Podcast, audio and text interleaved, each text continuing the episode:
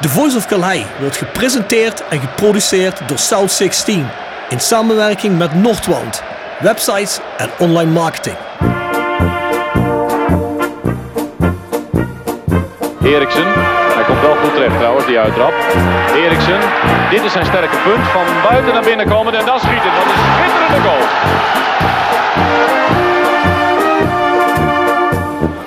Hansen.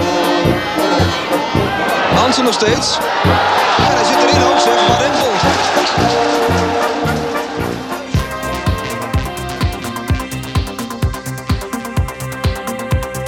Van der Leur.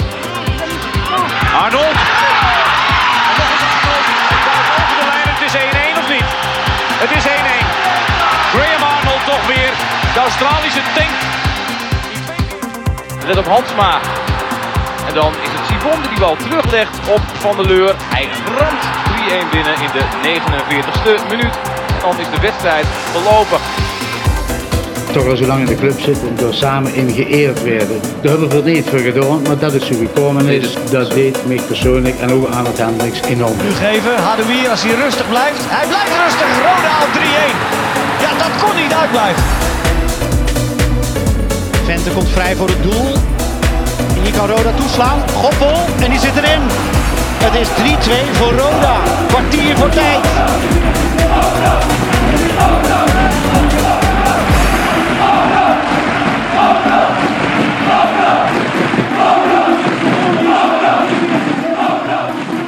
Ik ben de Pierre Blendner en we luisteren naar The Voice of Calais. Ja, goedenavond. Motelen. Goedenavond Rob. Ja, daar zitten we weer. En we zitten ja, eigenlijk voor jou en mij op een bevestigde plek nu, hè? Ja, ik kom hier altijd graag terug, Rob. Ja, ja ik, ik zag jij bent gisteren nog een wandelingetje geweest met de boys. Ja, met een aantal van de vrienden van de podcast, eh, waaronder eh, Leo Ja. Stok. Ja, precies, heb ik gezien.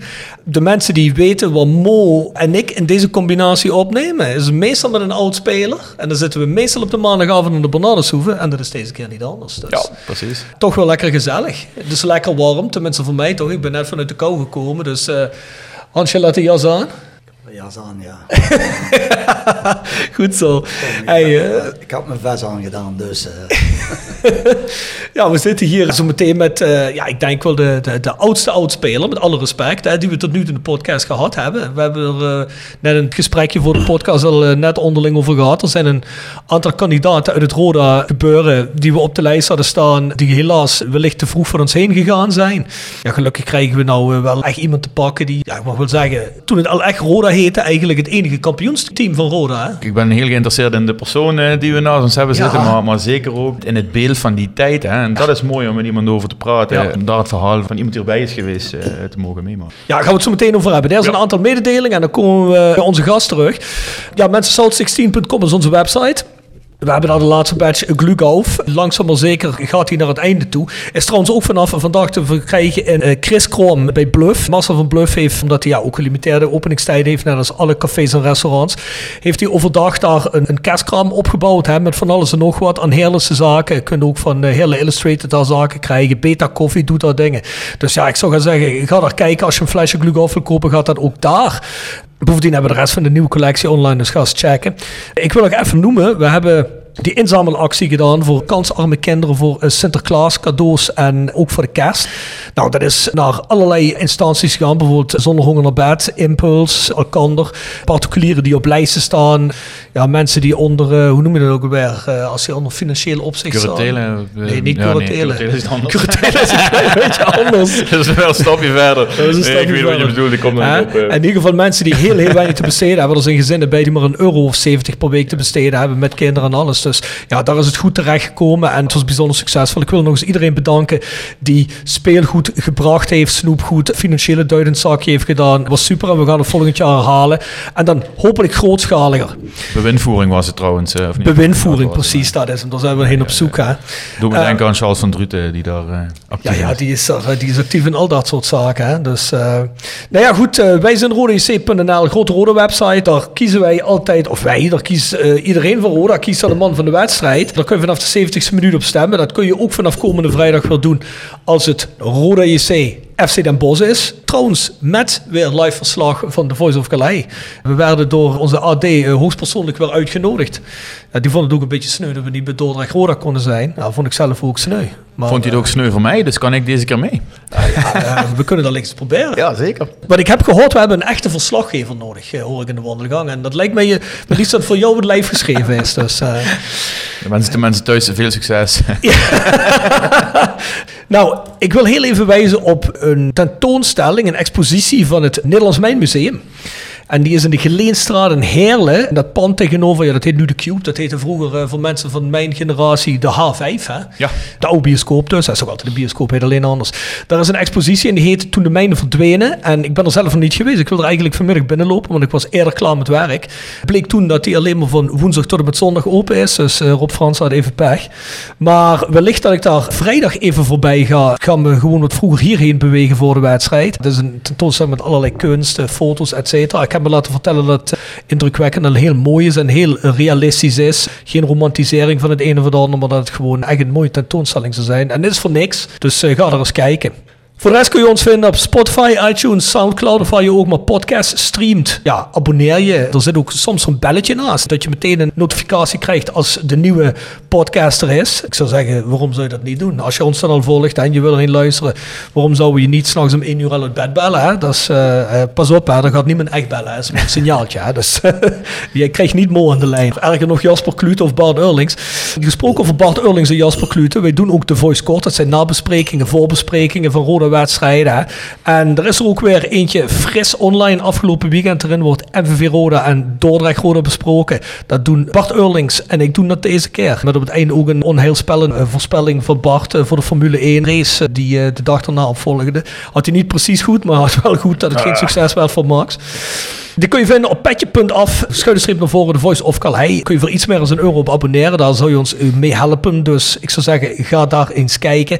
En tot slot, ja, op het moment gaat het niet. We willen je wijzen naar ticketshop.rodickerkrade.nl en daar kun je Roda-tickets kopen. Normaal verloten we die ook. Twee tickets voor een thuiswedstrijd. Hadden we graag gedaan voor de Bos thuis, maar helaas pindakaas. Er mogen geen mensen binnen, dus uh, dat doen we vanaf de eerstvolgende keer dat er mensen binnen mogen.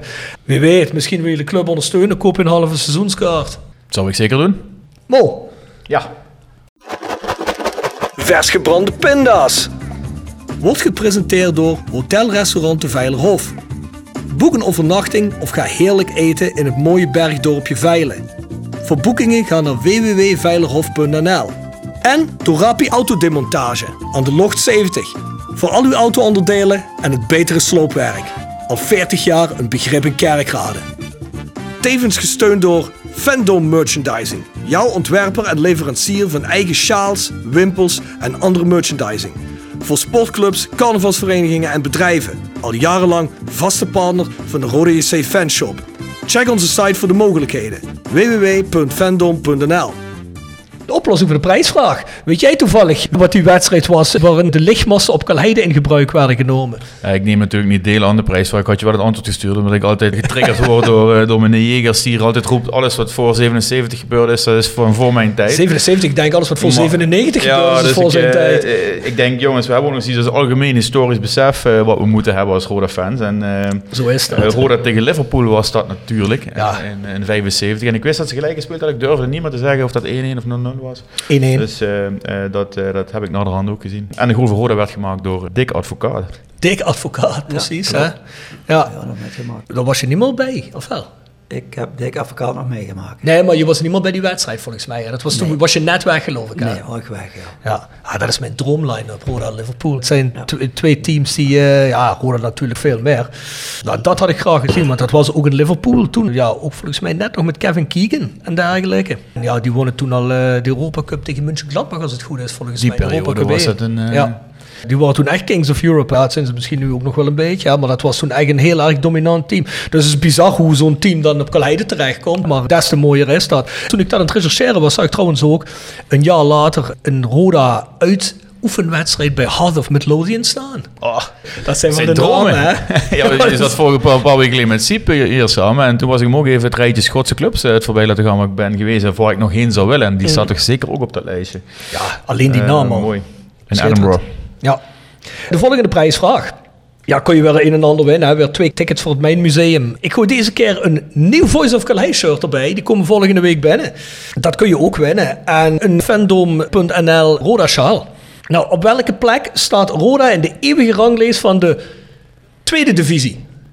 Niet de eredivisie, niet de eerste divisie, maar de tweede divisie. Dat is een thema, daar komen ze meteen met onze gast ook nog op terug. En er is wel degelijk een eeuwige ranglijst daar. Ja. En dan zijn we niet eerst in ieder geval, dat kan ik je wel vertellen. Is misschien ook maar goed. Dat betekent dat we er niet al te lang in gezeten hebben. Maar in ieder geval zitten we daarin op de eeuwige ranglijst. En er komen allemaal namen voorbij, eh, die spreken ook nog tot verbeelding. Hè? Maar eh, dat is allemaal voor vervlogen tijden, de meeste trouwens. Hey, het e-mailadres van ons is voiceofcalais.south16.com. En dan hebben we nog de tip van de week. Mo, jij wil vast beginnen. Tip van de week. Gepresenteerd door Jegers Advocaten. Ruist de Berenbroeklaan 12 in Heerlen. Hart voor weinig, nooit chagrijnig. www.jegersadvocaten.nl En Nextdoor Kapsalon, Nagel en Beauty Salon op de locht 44A8 te Kerkrade. En Roda Support. Supporter van werk. De uitzendorganisatie rondom Roda JC waarbij de koempelmentaliteit centraal staat. Roda Support brengt werkgevers en werknemers met een hart voor Roda samen. Ben je op zoek naar talent of leuk werk in de regio?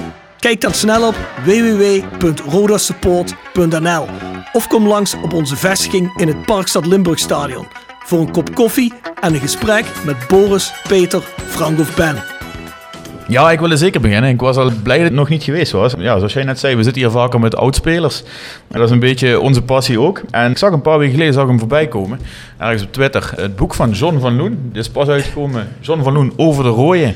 En mooi heeft hier bij zich. Eh, jullie kunnen het helaas niet zien. Maar ja, John van Loen, dan kom ik weer terug op mijn uh, jeugdsentimenten. Maar dat was de vorige keer met Pierre Bledler ook. En heb je altijd van die herinneringen die je dan boven komen drijven. En ik weet dat dit mijn eerste herinnering aan John van Loen, buiten het feit dat je hem kende als uh, spits van Utrecht was dat ik met mijn vader op de camping buiten zat. En dan kwam de krant volgens mij ook nog altijd een paar dagen later. Dan op de dag zelf. Daar had je voor de rest uh, geen media zoals we dat nu hebben met social media. En daar stond letterlijk in de man van 1 miljoen. Of Rode kop de John van Loen voor 1 miljoen en zoiets. Dat was natuurlijk een heel groot ding toen. Mm. Het boek heet John van Loen over de. Het hoofdstuk dat over Roda gaat. Uh, en de periode daarna, toen hij naar de WK in 90 meeging, heet dan ook de man van 1 miljoen. Ja, John van Loen was een fantastische vent, die was een beetje gek. Die maakte oorlog in het veld, was ook best wel lomp. Scoorde zijn goals, maar was ook zeker een gangmaker in het team. En uh, als je hem naar de hand ook eens op tv of zo hoorde. Met Fraser. Ja, Fraser was toen net van tevoren van Utrecht overgekomen. En die twee hebben hier wel furoren gemaakt in een uh, mooie tijd voor ons natuurlijk. In Europa Cup jaren tegen Sofia en uh, Guimarães en Kharkov. John van Loen is mee naar de WK gegaan. Ook weer samen met, uh, met Henkie Vrezer.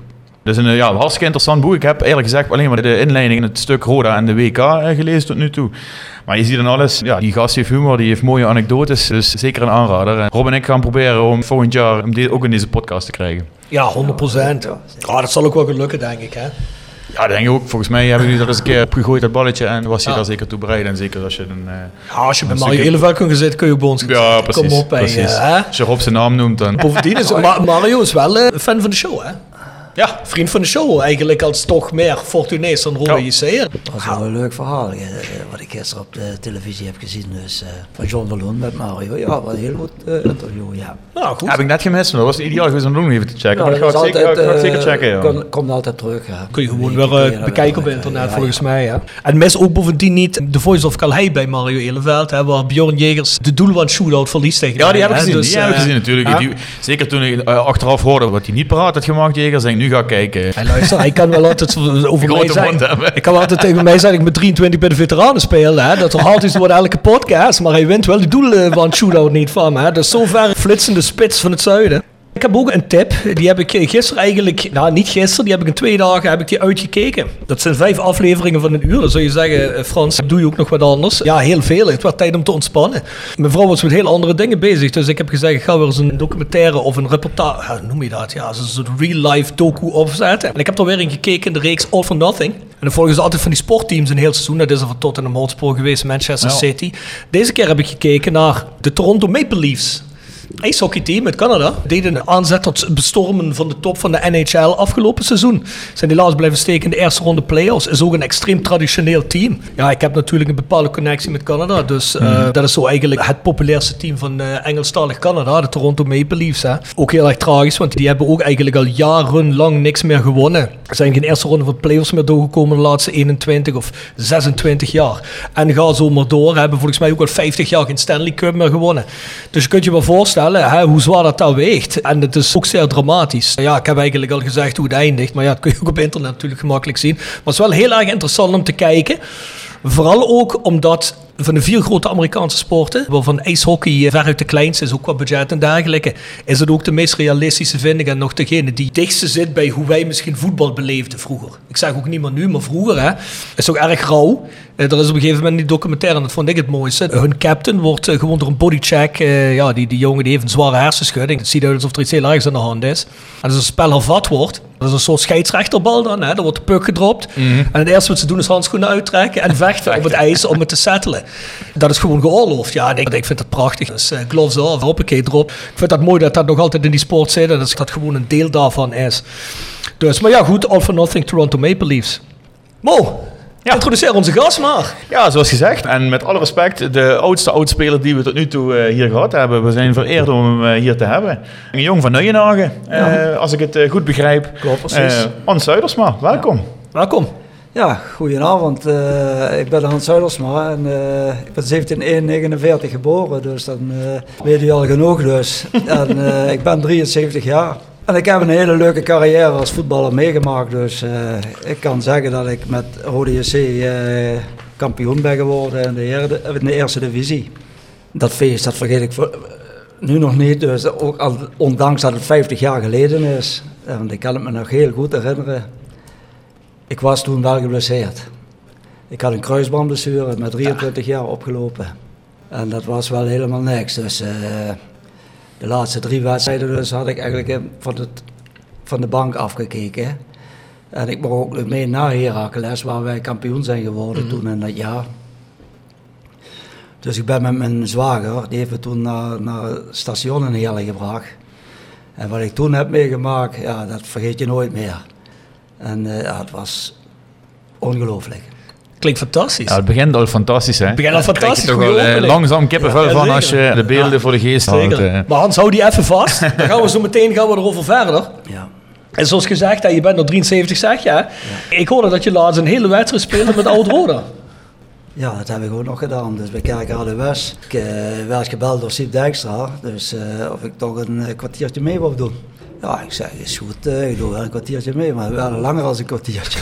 ja, je hebt er langer voor gehouden dan ik, kan ik je vertellen. ik, moet eerlijk, ik moet eerlijk zeggen, ja goed. Uh, ging het Pasen ging nog allemaal kijken, maar het zijn toch allemaal jongere jongens allemaal, dus uh, een stuk jonger als mij, dus en die zijn toch wel... Maar er zijn er ook bij die het minder lange show hebben volgehouden volgens mij. maar ik moet zeggen, ik, ik vond het ook hartstikke leuk en het is meestal altijd zo, als je een paar goede voetballers bij je hebt, dan is het een stuk gemakkelijker voetballen.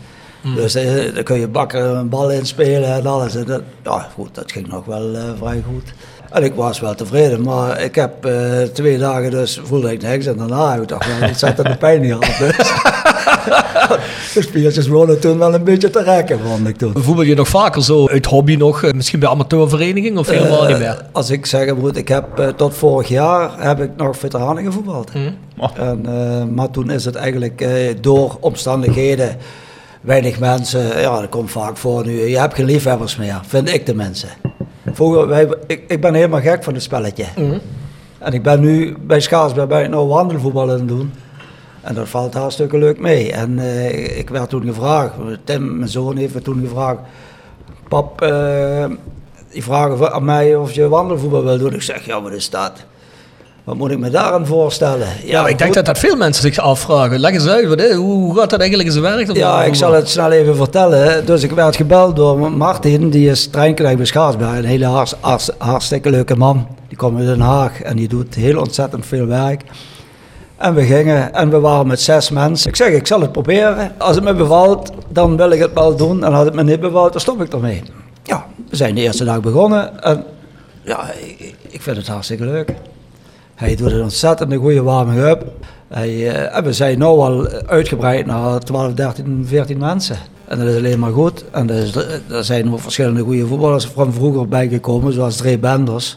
En ik moet zeggen, eh, ja, het is, je mag niet lopen, je mag niet rennen. Je moet wandelen. En dat is gewoon een kwestie van ja, een beetje, een beetje uitkijken, passen, eh, goed inspelen. Want een bal die een meter voor je komt, die is weg. Dus Ja, ja, eh, die, kun je niet meer bereiken. Maar in het begin was het altijd zo, van dat je toch mensen had die, eh, die wel eens een keer wouden rennen. Hè. Ja, als dat, maar ja, goed, als je dat zes, zeven keer hebt gedaan, dan eh, is dat ook weer voorbij. Maar ik moet zeggen, het bevalt me hartstikke goed. Het gaat nu via dat Limburg United of wat is dat? Dat was vroeger van midden in de maatschappij bij Roda zelf georganiseerd, hè? Dat walking voetbal. Ja, En dat is nu ja, dat, is, schijnbaar weet is dat ook daar gebeurd. ja. Oni, nee, Oni. Ja, maar dat, volgens mij is dat niet dezelfde. Hè? Nee, volgens mij nee, is dat- dat... eh, Is dat niet via Only Friends? Oh, niet Limburg United. Only Friends ben ik ook mee bezig. Ja. Ja, ja, Ja, daar ben ik een trainer. Dat zijn verstandige gehandicapten. Dat Ah, is ook ja, bij ja, ja, ja. Dan had ik dat even door elkaar, ja, geweest, ja. Dus, eh, en ja, goed, daar ben ik dan eh, mee begonnen. Ik ben toen door Marielle Hoebe ben ik toen... Ja. en Jan Rijterschot die zat toen nog in het bestuur. Maar die is dan helaas is die gestopt ermee. Die was voorzitter. Ja, je hebt misschien een oneenigheidje gehad met een of andere, dat weet ik dus niet. Maar eh, ik ben er dus verder in gegaan. Jan heeft me eigenlijk benaderd daarin. En ik vind dat hartstikke leuk met die jongens werken. Je wordt zo gewaardeerd. Die waardering wat je krijgt van die, van die, van die kinderen, dat is gewoon geweldig. ja. En eh, ja, we liggen nu ook op het moment dat corona nu is, liggen wij ook stop. Dus eh, we mogen dus ook om vijf uur. Ik train altijd dinsdag om half vijf. En ja, eh, dan kun je niet op die velden. Dus eh, dan hebben wij het ook tot, tot eind, met de kerstdagen hebben we het stopgezet. Ja, wat Joop Daché vertelde ons daar ook over in een interview. Is dat hetzelfde eh, wat Joop ook doet of is het toch weer wat anders? Joop doet ook bij Roda, heeft Joop dat ook altijd gedaan. Er zijn er verschillende, want er zijn er nu van Roda zijn er een paar naar mij toegekomen. Dus eh, ja, hij vond het al niet meer zo leuk. Dus eh, ja, goed, ik weet niet wat daar gebeurt, maar ja, goed. maar dus ja, dat zijn dus maar wel twee verschillende teams. Ja, ja. Ah. Ja, ja. Ik doe met meisjes en kleintjes en grote. Dus dat zijn, dat zijn nog, eh, die kunnen best wel aardig voetballen ook nog bij. Ja, Ja, ja, die zijn nog wel... eh, die zijn nog wel een beetje... Maar je hebt ook minder die dan... eh, die, die kunnen nog geen bal trappen eigenlijk. Hè. Nee. Eh, Daar moet je mee om kunnen gaan. Ja. Kijk, en dat is... eh, ik bedoel, eh, ik vind dat ook helemaal niet erg. Ik wil ze allemaal wel leren, proberen dat ze het leuk vinden en dat ze plezier daarin hebben. Dat is voor mij belangrijk. Ja, ik ben bang dat dat bij Roda een beetje uit elkaar is gevallen allemaal. Hè? Want dat had je vroeger eh, midden in de maatschappij als kapstok. Dat bestaat nu nog wel in een andere vorm geloof ik. Dat, daar is Joop volgens mij nog actief. Walking Football viel daaronder. Het G-team viel daaronder. eh. Ja, ze gaan het nu weer opnieuw opbouwen, dat eh, midden in de maatschappij. Ja, dat eh, krijgt nou een andere naam. We hebben het daar in de podcast mee gehad, dat weet ik niet. Maar we hebben, ik heb in ieder geval met Jonas Peters erover gehad. En Joop de Shea ook. En eh, ja, die zeggen allebei, we zijn er eh, mee bezig om het weer op te trekken. Dus eh, dat komt er wel weer. Maar dat, eh, ja, dat zal met stapjes gaan. Hè. ja, ja. Maar Joop zit er inderdaad ook alweer aan te trekken. Dus. Hey, maar Hans, zoals je net zegt, geboren in Nieuwenhagen. Ja, Wat was het, 49? 49, 17 1 49. Ja, dan ben je wel degelijk de oudste. Ja. Ja, je ziet niet uit als 73, toch? Nee, en op het veld ook zeker niet. Nee, speelde je jou eruit, eh, Mo? Ja, ik heb hem niet gezien, maar ik kom ook niet verder aan de middenlijn. Moest ik weer de verdediger spelen van eh Sip. ik zag alleen maar de rug van Michel Haan de hele tijd. eh. Oh, dat is toch een stuk jonger, hè? Die heeft nog wel een beetje loopvermogen. En Mo niet, dat is het probleem. hey, je begon bij SVN. Ik ben bij SVN begonnen, Ja. ja. Op een gegeven moment ga jij naar, naar Limburgia. Ja. Dan speel je in seizoen in 70-71. Is dat dan je debuut als, ja, kunnen we dat toen al profvoetbal noemen? Of was dat semi-prof? Of was dat veredelde amateurvoetbal? Semi-prof. Semi-prof. Kijk, dat was zo, eh, wij spelen met SVN toen, we waren toen nog, nog vrij jong, ik was toen nog vrij jong. En eh, we speelden vaak oefenwedstrijden tegen, tegen profclubs. We werden graag gevraagd bij SVN, omdat wij een- een- toen al een wedstrijdverlichting hadden in Nieuwenhagen, in het sportpark. En eh, ja, Roda en Limburgia, Fortuna, die wilden graag eh, bij ons eh, een oefenwedstrijdje spelen. Ja, dan kwam Roda. En Roda... Ja, dat was toen met Hans Fischer, Wim Langehuizen, noem ze maar op. Dat elftal waar ik toen later mee heb gespeeld. En die kwamen bij ons een oefenwedstrijd spelen. Maar er waren wat gastspelers bij. Die werden dan gevraagd uit het amateurvoetbal, zoals eh, ja, bij MKC toen in Maastricht. Daar lopen uh, Leroy van Kan, eh Piet Spijk eh, van eh, eh, SVM vroeger. Ja goed, die namen zeggen jullie misschien niks. Maar die werden dan gewoon gevraagd voor mee in die oefenwedstrijd te doen. Kijken of ze talent hadden voor, bij het eerste elftal van Roda. Als ik je nou vertel dat wij met SVM met 4-1 wonnen van Roda. dus dat zegt al genoeg, hè. Hoeveel kwaliteit dat bij SVM rondliep. En eh, toen werd later gevraagd aan eh, chef Mommers en aan eh Pierre Vermeulen, zijn vader, dat waren de scoutings bij Roda toen tijd. Die liepen heel Limburg af voor, voor spelers en heel Brabant liepen die af. Hè. En dan werd gevraagd, ja, wie willen jullie graag hebben? Ja, wij willen graag Hans Zuiders en Wim de Gissen, maar we hadden een afspraak met de voorzitter van SVN en die heeft gezegd, jullie mogen, mogen hier komen spelen, maar je mogen geen spelers weghalen. ja. En Burger zat ook op de tribune. Ja, dan ben je naar Burger gegaan. Die hadden die afspraak niet. Ja, die afspraak. Is zo. 70 ging je erheen, hè? Ja, En onderteken je daar ook al een contractje of ging je er op amateurbasis voetballen? Contract. Ja, dat was dus een puur sub-profcontract, hè? Dat was gewoon een Semi-profcontract. semi-profcontract. Ja. Dus je werkte ook nog dus erbij. Ja. erbij. En, eh, En wat deed je voor werk toen? ik ben eh, monteur loodgieter altijd geweest. En eh, ik heb dat toch een, bijna 40 jaar gedaan. Dus eh 28 jaar bij de firma Wiers. eh. en ik heb het altijd goed kunnen combineren met mijn voetballen. Dus ik werkte ook toen in de tijd, toen Roda begon met, met middag, middagstraining. Dan kon ik ook eh vrij pakken, dus dat had ik geregeld met mijn baas. Dus dat was allemaal goed Dus gecombineerd. je hebt eigenlijk je hele carrière ook nog erbij gewerkt. eh. Altijd gewerkt erbij. Ja. Ja. Ja, dat kennen natuurlijk de meeste mensen vandaag de dag niet meer, hè? Ja, kijk, het was wel zo. Ik ben ook al vaker waar Jacques Kolen was trainer bij Roda. En, en Hans Curver, die liepen met mij over het veld, die wou met mij veel prof hebben. Maar kijk, er stond niks tegenover. Dan moest je je werk verlaten. Hè, eh, dus en, ik was altijd... Ik had altijd dat idee van Willy Dullens vroeger. Ik zei Mm, zeker wel. Ja, zeker. zeker. Ja, die heeft toen een hele zware blessure gehad. En eh, dat was een, een, een- die was net zo goed als Johan Cruijff. Ja, ik heb hem vaak zien voetballen, dat was gewoon een, een supertalent. Ja, en die kreeg ook een kruisbandblessure. En eh, het was afgelopen. Dan heb je niks meer. En kijk, en, en dit bleef me altijd in mijn hoofd. Van als mij dadelijk wat gebeurt, eh, wat gaat mij dan gebeuren? Zo dacht ik altijd. Ja, zeker. Ja. En toen ik toen bij Roda was en ik kreeg dat aan die kruisband, heb ik er altijd aan gedacht. Kijk, en, en toen was het eigenlijk al van, ja, dan ben je ook al als, 13e, 14e man toen eigenlijk. Want dan kom je ook niet meer echt erbij. Ja, dan gingen ze spelen, dan komt eh, Dre- André Broeks die kwam er toen bij, eh Heikkie Wetjes die kwam toen door, alle jonge jongens ook, en die, die pakten dat goed aan. Ja, dan moet je toch maar kijken dat je terugkomt. Ja, dat was heel moeilijk. En toen ben ik uitgeleend naar Wageningen. Toen door, eh. En het ergste was dus toen het overlijden van Jacques Kolen. Dat was in mijn ogen dus de beste trainer die ik wel mee heb gemaakt in mijn voetbalcarrière. Een van de beste. ja. En die stierf dan op 38-jarige leeftijd met vier kleine kindertjes. En dat eh, is wel erg triest geweest toen voor Roda. En toen dachten wij ook dat het kampioenschap toen eh, niet doorging. Maar Hedy Hollik heeft het toch gepresteerd voor het, voor het toch eh, weer eh, een beetje op te pakken. Maar Ja, ik kan me voorstellen dat dat natuurlijk emotioneel en qua mentaal dat dat een knal is, hè? Dit was eigenlijk een knak, ja. Voor Ja. iedere speler. Dat was ongelooflijk. Maar het was wel een, een, een erg jonge trainer, hè? Want eh, ja, hoe 38. oud was hij toen bij Roda begon? 38. 35 toen bij Roda begon? Zoiets, 35, 34 Ja, misschien? zo wat was hij, ja. Dat is heel erg jong voor trainer eigenlijk, hè? Wat Ja, dat was toen. Maar ja, goed, eh, het is allemaal toen weer allemaal goed gekomen. Dus, eh, maar ja, er kwamen veel trainers, veel trainerswisselingen. Holding weg.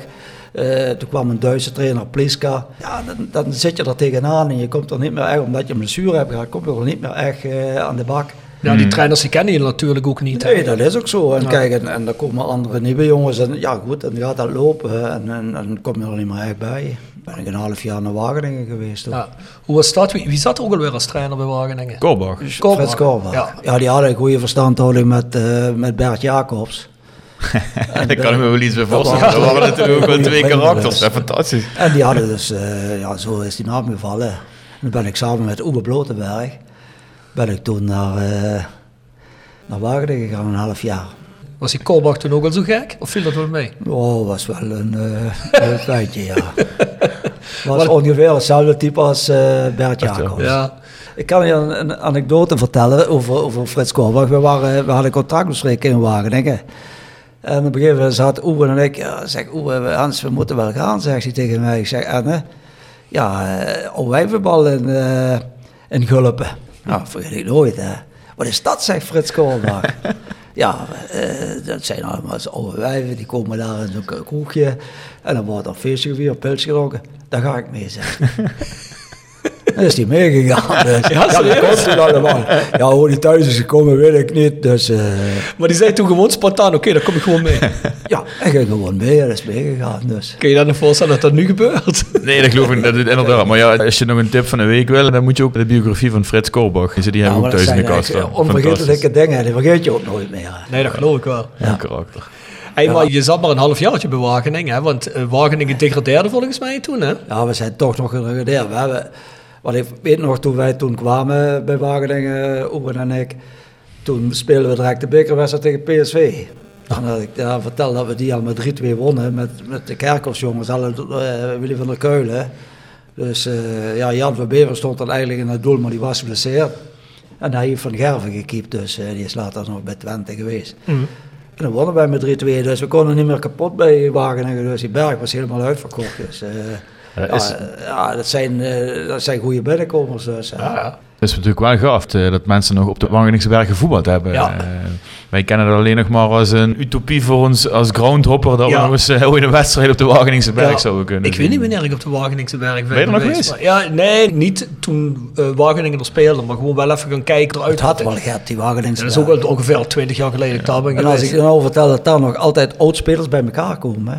Ja, dat heb ik wel eens een keer eens over gelezen, ja. Die komen iedere morgen komen die bij elkaar, koffie drinken, lekker wat vertellen van vroeger, alles. Bert van Geffen, uh, hoor ik die namen vallen, Jantje van Ossenbrugge, allemaal, Jan Groenendijk, allemaal zo'n namen die er nog allemaal komen. Dus, uh, het heeft ja, en ik had altijd de interesse om eens een keer er naartoe te gaan.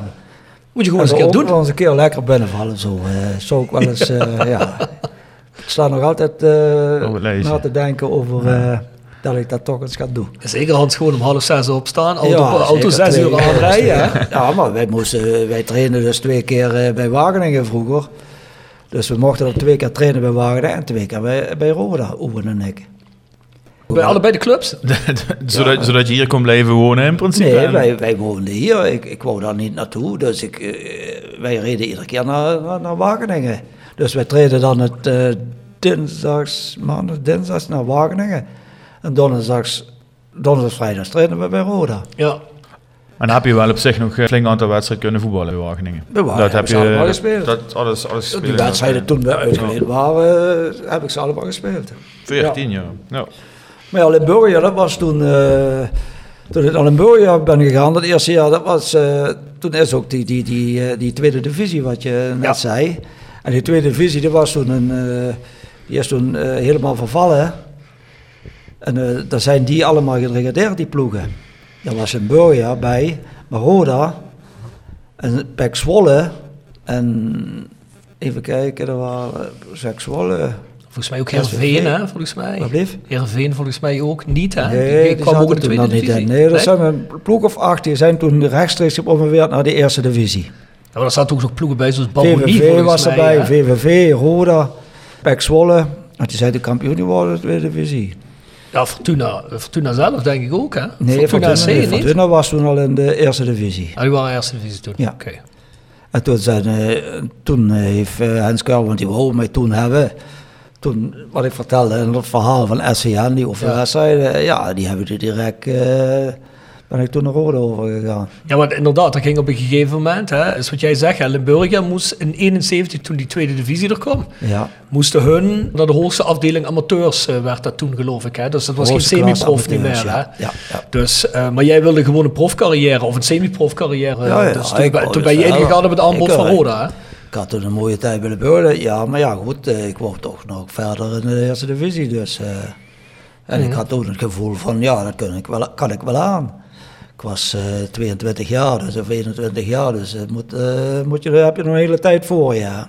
En Rode wou me graag hebben, dus en Jacques Kolen, ja, die was blij, dus ik heb daar schitterende jaren gehad. Mm. Ja, je ging met z'n tweeën, hè? Willy Kolen ging ook Willy Kolen werd toen gekocht en ik, ik was eigenlijk transfervrij. Dus voor ah, mij hebben ze eigenlijk voor niks gekregen. En wat waren eigenlijk de transfersommen in die tijd? Willy Kolen hebben ze nog 80.000 gulden voor betaald. Wat ik me toen nog kan herinneren. Dus dat was... Uh, Die tijd was dat toch nog wel redelijk, Een hè? aardig bedrag. Ja. Ja. Ja.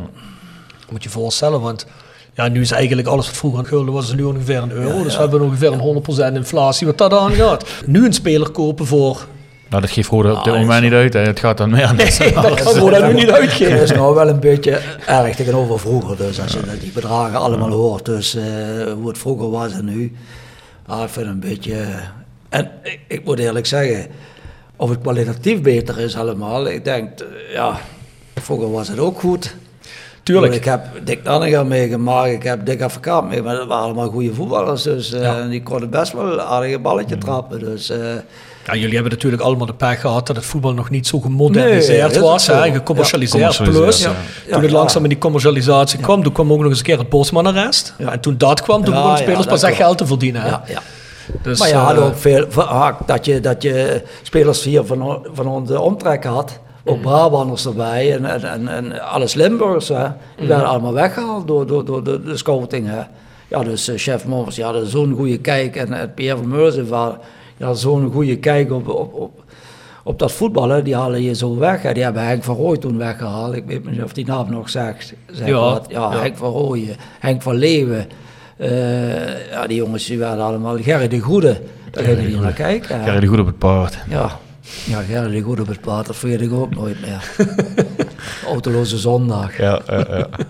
Ja, dat, dat kunnen mensen zich ook helemaal niet meer voorstellen. Een autoloze zondag. Kun je dat nog herinneren? Je moet er alleen maar zin. heel vaag. Ja, ik, ik kan me niet herinneren, ik was er nog niet. Maar Ik ja, dat is zo'n zo Gerry de goede verhaal. Ik Dat- stond ja. op de parkeerplaats en hij, zat, hij, hij, hij kwam zo van boven van die poort af. Ik dacht, wat komt daar? Zat helemaal verkleed in, in, in, in dat pak. Hè. Hij had een, een, petje op, zo'n ruiterpetje. Helemaal met, met laarzen. En hij zat daar compleet op dat paard. Hè. En hij kwam niet aan met de voetbaltas op zijn rug. hè. ja, de mensen stonden allemaal buiten. Dat was gewoon lachen, gieren, brullen. Dus, eh, Ha- Hans, leg eens uit voor onze jongere luisteraars. Waarom waren er autoloze zondagen?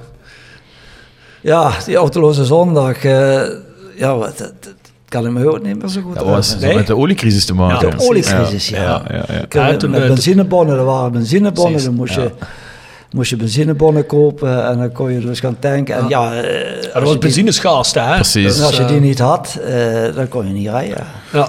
Ik hoop dat Bjorn Jegers luistert, heeft hij toch wel iets geleerd. ja, dat is voor zijn tijd natuurlijk, hè? Dus, eh, Met de oliecrisis toen te maken, ja. precies. Ja, dat kunnen mensen zich helemaal niet voorstellen. Maar dat was toen, dat was wel Ja. heel pittig toen. het kortste wat daarbij in de buurt nog een beetje is gekomen, Noordwest-Europa, was eh, een paar maanden geleden in Engeland. Hè, waar ze wel genoeg benzine hadden, maar was er geen vrachtwagenchauffeurs genoeg om die benzine naar de tankstations te, Te krijgen. Waar je helemaal van die filmpjes zag dat mensen zich op de bek waren aan het slaan voor maar die benzine nog te krijgen. Maar vroeger zeiden ze in Nederland gewoon, oké, ga op de zondag niet auto rijden. Dan sparen we meer een benzine aan de pomp. Dat kun je nu helemaal niet meer voorstellen natuurlijk. En dan ga je in 75, ga je voor de komende acht jaar Nou, Fortuna. ja, het is goed dat jij de naam zegt. Want, eh, wij spreken die deze podcast niet uit, die naam. Ja, ja. Een hele mooie tijd bij Fortuna Ja, gehad. Eh, alle gekheid om het stokje. Volgens mij wel ook een succesvolle tijd op het einde. Hè? Want wanneer promoveren jullie? 2, 2, 82, 83? 82, 83. Met Frans Curver? wij Frans Curver. Maar eh, wij, wij eindigden toen tweede achter Helmond Sport. En eh de promoveerde, de tweede promoveerde, Mhm. promoveerde toen ook naar de Eredivisie. Ja, wat ook een ontzettend leuk feest alles. En eh schitterende ja, nog meer, twee jaar nog in de Eredivisie kunnen meemaken. En veel gescoord ook nog, dus Je bent er natuurlijk niet voor niks acht jaar. eh, ik was acht jaar. Nou, veel Ja. wedstrijden, hè? wat zou ik? 106? Ja, wat zeg ik dat goed? Ja, ik heb Ja, maar ik zal je heel eerlijk zeggen, Mo. 160. Hans ken ik van naam eigenlijk uit die tijd. Want ik spaarde natuurlijk de Panini-albums. hè. Ja, En in de Panini-albums stak Hans altijd in een eh, Geel-groen, geel-groen hè? truitje. hè, En in een geel-zwart. Dus eh, daar ken ik hem van. Dus daar had je geen Dus, van. eh, nee, daar had ik geen van. Maar dat maakt ook verder niet zo heel veel uit. Ik moet wel zeggen, ik zal nu wel de, de hoon van een heel geel-zwart legioen over me heen krijgen. Maar vroeger met mijn oom, die keek eigenlijk voetbal in heel Limburg. Maar via mijn vader en mijn oom ben ik terechtgekomen bij Roda. Dat is alles één. En dat was ook de club voor hun. En nog altijd. Alleen, mijn oom ging vroeger ook nog wel eens kijken als er ergens anders iets interessant was. Dus die ging wel eens bij MVV op de tribune zitten. En die zat dus, op een gegeven moment ging die naar Fortuna Everton voor de Europa Cup 2 toen die kwartfinale. En toen zei hij, wil jij mee? Ik dacht toen, oh, Ik vond Liverpool toen al schitterend. En toen was het nog niet zo eh, Liverpool-Everton moord doodslag. Vroeger in de jaren 80 toen was het eigenlijk uh, Scousers Against the World. Hè? Dus dat was meer vriendelijk met elkaar. Dus een dag Rob Fransen, oh cool, een club uit Liverpool, dat wil ik wel zien. En ik weet nog dat ik achter de goal stond, tegen het hek aangedrukt, want de baan dat was echt super uitverkocht toen. Oh, was ja. ook niet gek, want dat is volgens mij het beste Everton team wat ze ooit gehad hebben. Met Peter Reed en Neville Southall en al die mannen. Dus eh, ja, die wedstrijd eh, die heb ik toen nog gezien. Dat is ook de enige wedstrijd die ik gezien heb in de Baandert waar Roda niet bij betrokken was. En die andere wedstrijd in de Baandert, dat was ook ruig. Alleen dat ging anders. Dus, eh, ja. Je doet al even je mond spoelen en dan ga ik het je vergeven. Ja, is goed. Is goed, is goed, is goed. maar hoe oud was ik toen? Toen was ik 13, maar ik wilde Europa Cup voetbal meepikken. Ja, dus, Ja, eh, logisch, dat is ook leuk voor te zien. Dus, als je maar toen was jij net weg, geloof ik, hè? Ik was toen weg, ja. Is En ben ik toen- nog een jaar naar Roda gegaan. Ja, ja. Ja, hoe kwam dat dan tot stand? Ja. Zo'n lange periode in Ja. Sittard en dan, dan ja, ik was toen, eh, eh, ja, Frans Curver, die, die- ja, Frans Curver, die kon je ook niet vertrouwen, dus eh, die zei op een gegeven moment, ja, nee, daar ben ik tussen gewoon- en lippen ben ik gewoon eerlijk, en, en, en dat is met meerdere spelers gebeurd. Ik bedoel, hij was geen slechte trainer, hij was een hele goede trainer. Maar hij vertelde gewoon aan, zoals ik kan nog vijf jaar mee. Dus ik, ik maakte 14 doelpunten in de Eredivisie. Dus ik was topscorer bij Fortuna achter Huub Smeets. En eh, dat liep als een trein. Maar ja, ging niet, eh, dan zei hij tegen mij van, ja, het gaat goed en pakken een, jaar, ja, een jaartje erbij en een beetje. En eh, op een gegeven moment moesten we weg. Hè. Ja, Phoenix, uh, Mitrovic, Hans Zuidersma moesten weg. Hè. Dus dat was eh, wel wat daar voor de toeschouwers. Hè. Die toeschouwers waren helemaal gek. Vliegtuigen boven het stadion. Die moeten blijven. Hè. Maar ja, eh, dat was dus een wedstrijd. Dus, eh, zette mij dus er niet op. Hè. Ik was geblesseerd. Of niet geblesseerd, sorry. Eh, Wim Koevermans was geblesseerd later. En dan belde hij me op van eh, je moet toch spelen. Maar eh, dat was het vrijdag, dus had hij het elftal opgezet. Daar stond Koevermans er eigenlijk in en ik er niet in. En ja, ik zeg tegen mijn vrouw, dan gaan we huis, het huis schilderen. Dan doe ik maar alles wit. Ik zeg, ik sta er toch niet in. Hè. We moesten tegen Twente. En op een gegeven moment, ik kom in het stadion. Zeg ik wel tegen mij, je moet spelen. Oh, ik zei, goed, dan, doe ik. Hè. Fit? Ja, ik zei, ik ben topfit. En eh Koevermans is geblesseerd, zegt hij. Ja, we waren 20 minuten aan, aan het spelen en ik had er al twee eh, het potje liggen. Dus, eh, dus het ging goed. Het stadion werd helemaal gek. Dus eh, ja, maar we moesten toch weg. Dus eh, helaas. En dan heeft Roda, maar ik had toen al een gesprek met Roda gehad. Maar dat was zo, Pieter Visser was toen nog trainer en die wou me graag hebben. Pieter Visser is altijd gecharmeerd van mij geweest. En, eh, Ja, toch niet de minste, hè? Nee, daarvoor. En, eh, en op een gegeven moment eh, had ik dus een gesprek en ja, dan heb ik dus voor, voor Roda gekozen. Maar dat moet ik dus stilhouden, dat dat niet, eh, door- want dan, dan was er wel wat paniek geweest eh in Sittard. Dus ja, en toen er kwam een trainersruil met Pieter Visser en Hans Eikenbroek. Want Pieter Visser die, die had zijn vrouw ernstig ziek. Dan wou hij een trainersruil met Willem II, met Hans Eikenbroek. En zodoende is eh Pieter Visser naar Willem II vertrokken en Hans Eikenbroek is toen trainer bij Roda geworden. En eh, vergeet nooit, toen lag ik op de massagetafel bij Norbert Keulen. En dan kwam Pieter Visser langs. En dan komt hij en dan knipt hij mij in het bovenbeen en zegt hij, jongen, vind ik zo erg, heb ik je gehaald en dan kan ik niet met je werken. Ja, dan doet je wel wat. Dus eh, dat was een hartstikke leuke vent, eh Pieter Visser. Ja, dat zijn allemaal dingen die, die, die blijven je ook altijd bij je. En eh, die vergeet je ook nooit. Hè. Ja, want dat was eigenlijk al tegen het einde van je carrière. Hè? was Actieve eigenlijk- carrière. was Hoe oud was je? 34 34, hè? Ja. Ja, ja. Kijk, en, en toen heb ik toen een bless- eh, bovenbeen eh, spierblessure opgelopen. En zodoende is eigenlijk, eh, ja, Hans Eikenbroek wou me nog een jaartje houden. Maar Hans Kouwer die zei toen, dat kunnen we niet riskeren. Dus de, het risico te groot, omdat die... Kijk, als je een hamstringblessure boven en boven bent, dan kom je ook graag weer terug. Hè. Zeker op een oudere leeftijd. Ja goed, eh, dan ben ik weer naar Limburgia teruggegaan in eh, hoofdklasse. Ja. Een jaartje.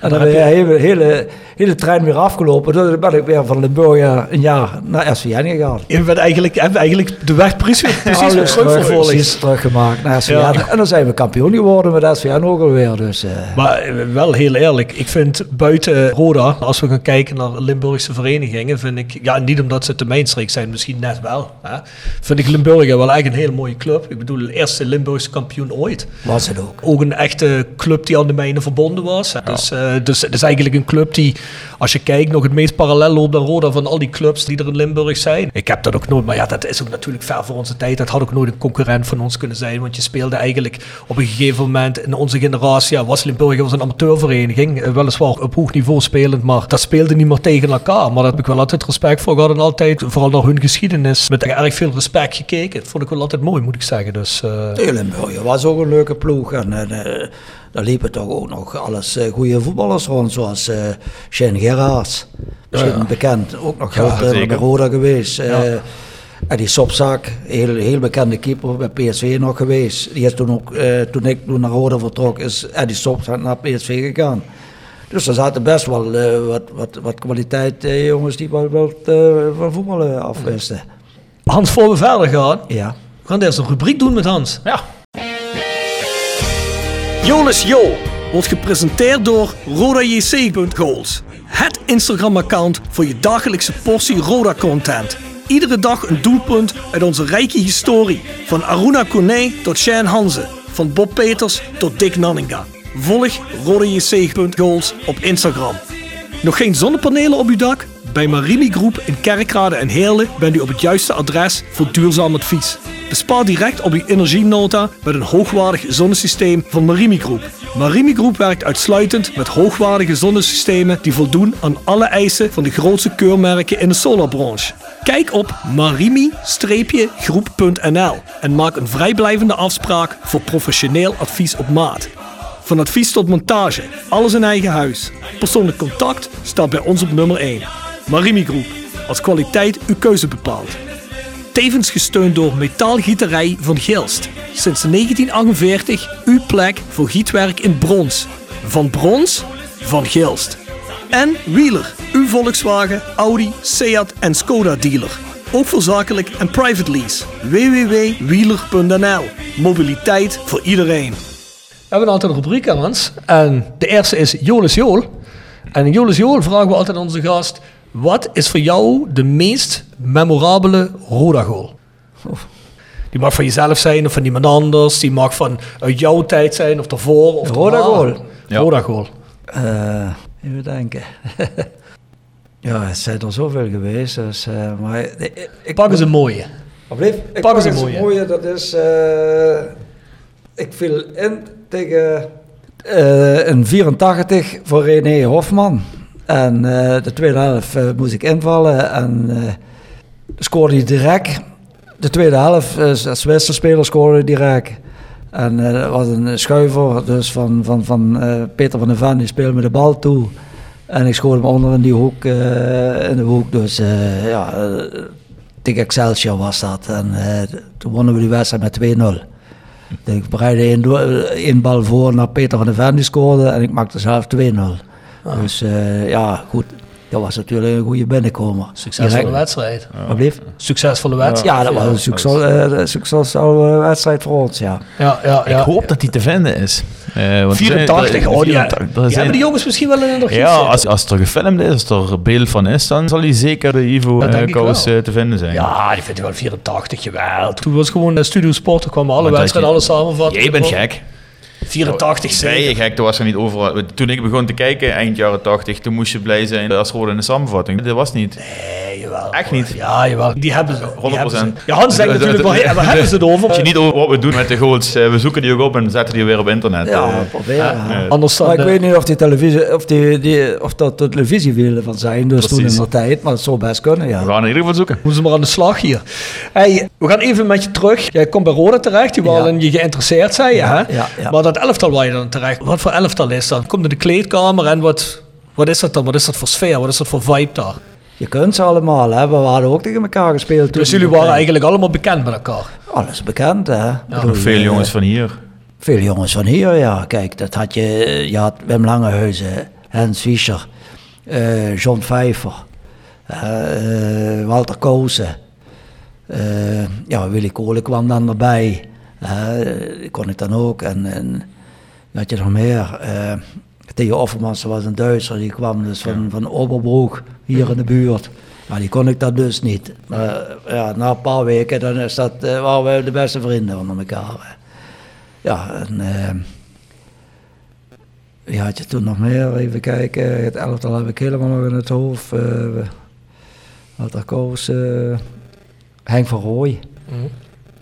Ja, die kwam van Desk uit Brabant. Dus die werden ook gescout door, door, door chef Mommers en, en, en uh, Pierre Vermeulen zijn vader. Dus uh, ja, dit was gewoon een, een, een team. Maar dat, dat was pakte zich hoe direct. Maar ja, goed, dat had ook te maken met de trainer Jacques Holle. Je was niet verrast dat jullie op een gegeven moment zo goed draaiden. Want volgens mij, het, het eerste jaar dat je er zit, het eerste jaar was je, wat je vierde volgens vierde, mij. Ja, ja. En het jaar daarna worden jullie kampioen dan. Ja. Dat was voor jou was dat een logische progressie. Had je zoiets van ja, dat, dat was wel logisch dat we met dat team zo goed gingen presteren. Ja, het had ook te maken met, met, met de trainer Jacques Kolen. Ondanks dat hij uh, overleden was. Ik bedoel, uh, kijk toch een andere trainer, die heeft een hele andere werkwijze. Maar wij hebben ons toch als ploeg bij elkaar gepakt. En gezegd van jongens, we gaan gewoon door. Hè. We zitten nu op dit punt we kunnen het halen, dan gaan we er ook voor. En ik moet zeggen, we hadden een team ervoor wat ervoor ging. Er werd, eh, eh, ja, knokten ons tot het einde. Dat gaf dat zelfs nog een extra motivatie. Buiten het feit dat nodig was. Was ook nog eigenlijk dit, dit zijn we ja. Jacques Kolen Dat we dat deden voor, voor, voor zijn vrouw. En zijn vier kinderen met de vrouw, dat was een, echt een supporter ook. Die zat iedere week bij thuiswedstrijden zat ze op de tribune met die kinderen. Dus dat was voor haar ook nog. Uh, en ik had een speciale band met, uh, met, met die trainer. Want uh, toen hij in IJzer ging wonen, dan reed ik ook nog met hem mee. Dan heb ik hem ook nog alles aangesloten van gasfornuis en, en wasmachine. Wat ging toen in de tijd? Hè? Hans, wat doe jij voor werk? Ja, dan gaan we mee, dan kun je mij dat allemaal aansluiten. Ja, dat had ik ook nog met hem. Dus, ja, want dat had je natuurlijk ook nog in zo'n groep dan. Dat waren profs en semi-profs. Ja. De ene trainde een paar keer per week, de andere trainde elke dag. We hadden geloof ik vier of vijf prof, profs. Maar dat was verder in het team, was dat geen probleem? Dat was gewoon dat was helemaal geen probleem. Uh, Smiddags was de hele groep bij elkaar. Dus uh, we trainen toen om half drie. En dan uh, ik stopte dan om één uur met, met werken. Alleen de woensdag niet. Dan werkte ik gewoon tot half vijf. Maar dit, maandag, dinsdag, donderdag, vrijdag, dan had ik gewoon één uur vrij. Hey, maar Hans, wat was er dan nou bijvoorbeeld 50 jaar geleden? Ja niet wat nu de normaalste zaak van de wereld is in het voetbal. Dus als je nu naar een voetbalwedstrijd kijkt of je zit rond een voetbalclub en je denkt van ja, dat hadden wij vroeger niet, dat is nu, vindt iedereen heel normaal. Ja, het commerciële is allemaal een beetje eh, veel, veel meer veranderd. Eh, ja, bij ons was het gewoon, ja, dat, dat kun je helemaal niet. Was er helemaal niet volgens mij in die nee, mate? dat was helemaal niet zo. Er waren ook geen shirt sponsors in die tijd. Ik kan me nog het invoeren van shirt sponsoring herinneren. Shirt sponsors ja. eigenlijk begonnen bij, bij Fortuna toen met Lu. Dat kan ik mij wel herinneren. Dus dat was uh, een beetje familie van de voorzitter van Fortuna. En die begon dus met dat, met dat shirt reclames met Lu. Zijn we veel koekjes gegeten hebben het weekend, hè? Daar hadden wij wel een voordeel aan. We kregen af en toe een kist uh, van die koekjes, ja. Van Lu. Maar we mogen er niet te veel van hebben, want anders zouden we te dik.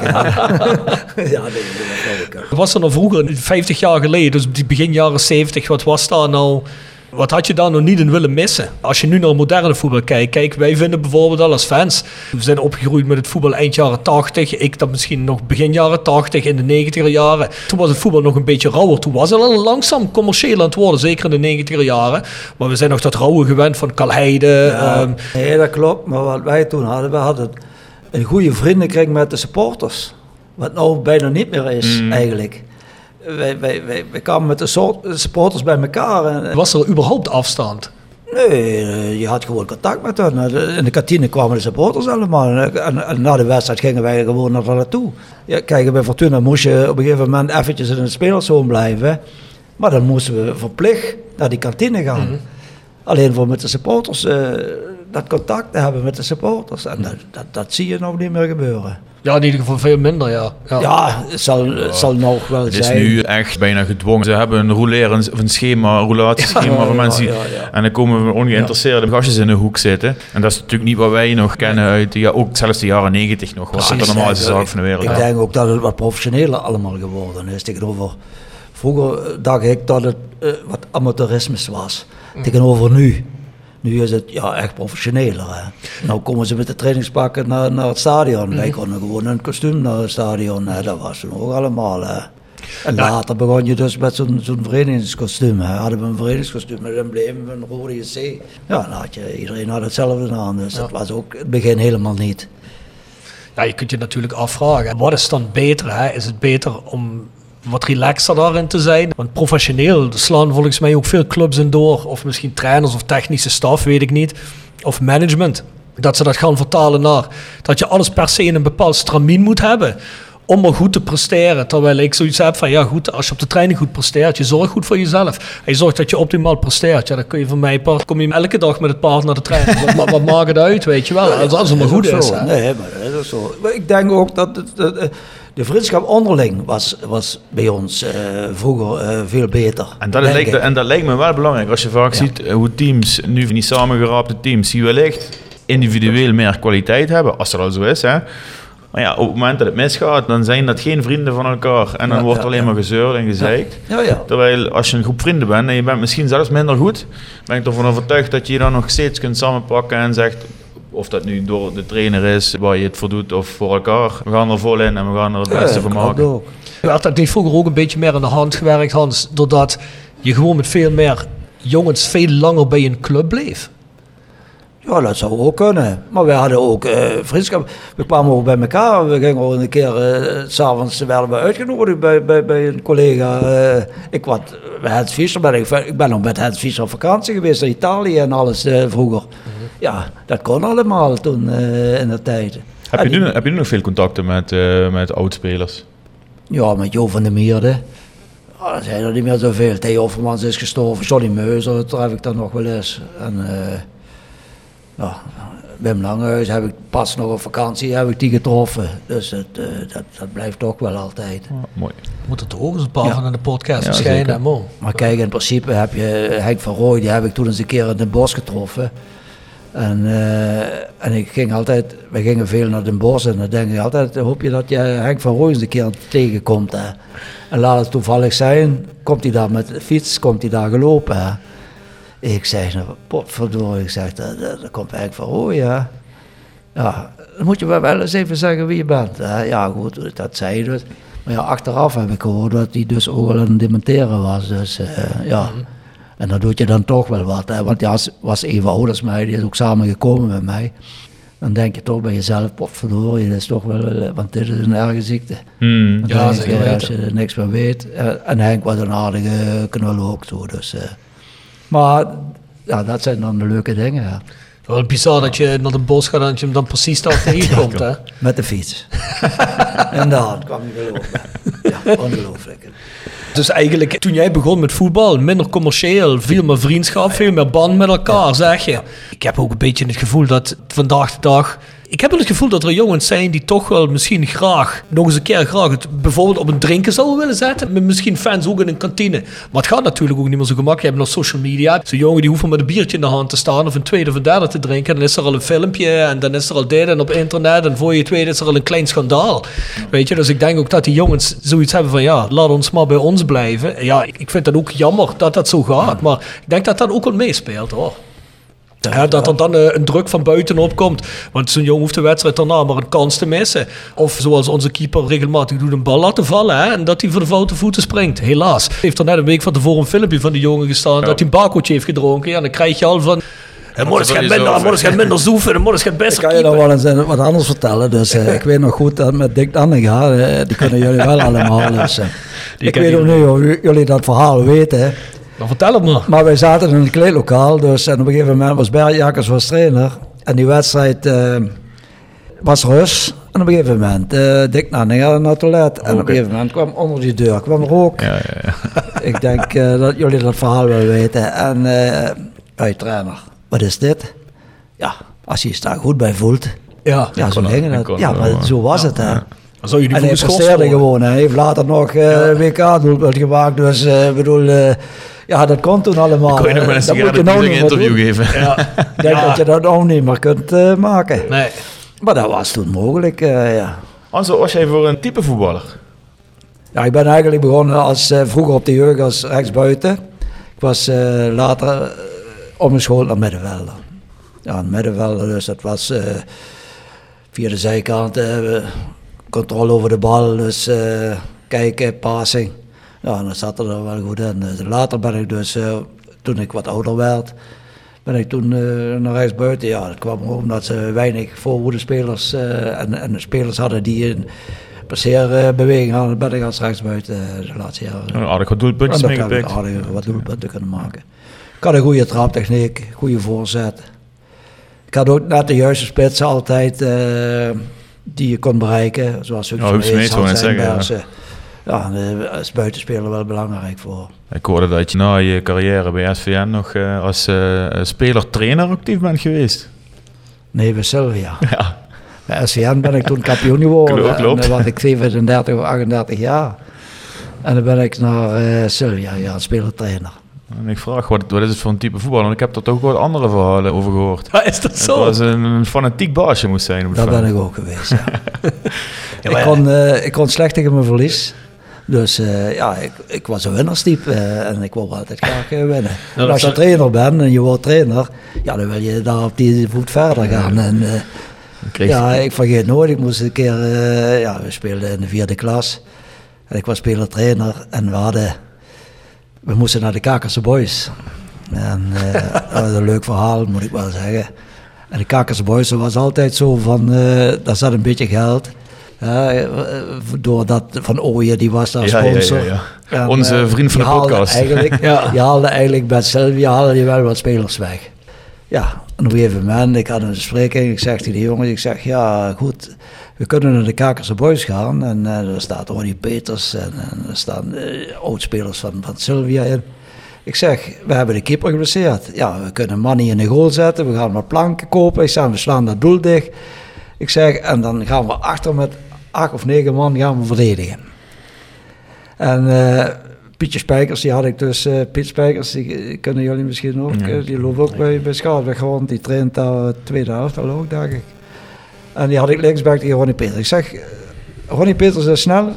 Die heeft altijd een goede snel, uh, passeerbeweging. Ik zeg, jij hebt ook veel snelheid. Ik zeg, en ik geef rugdekking.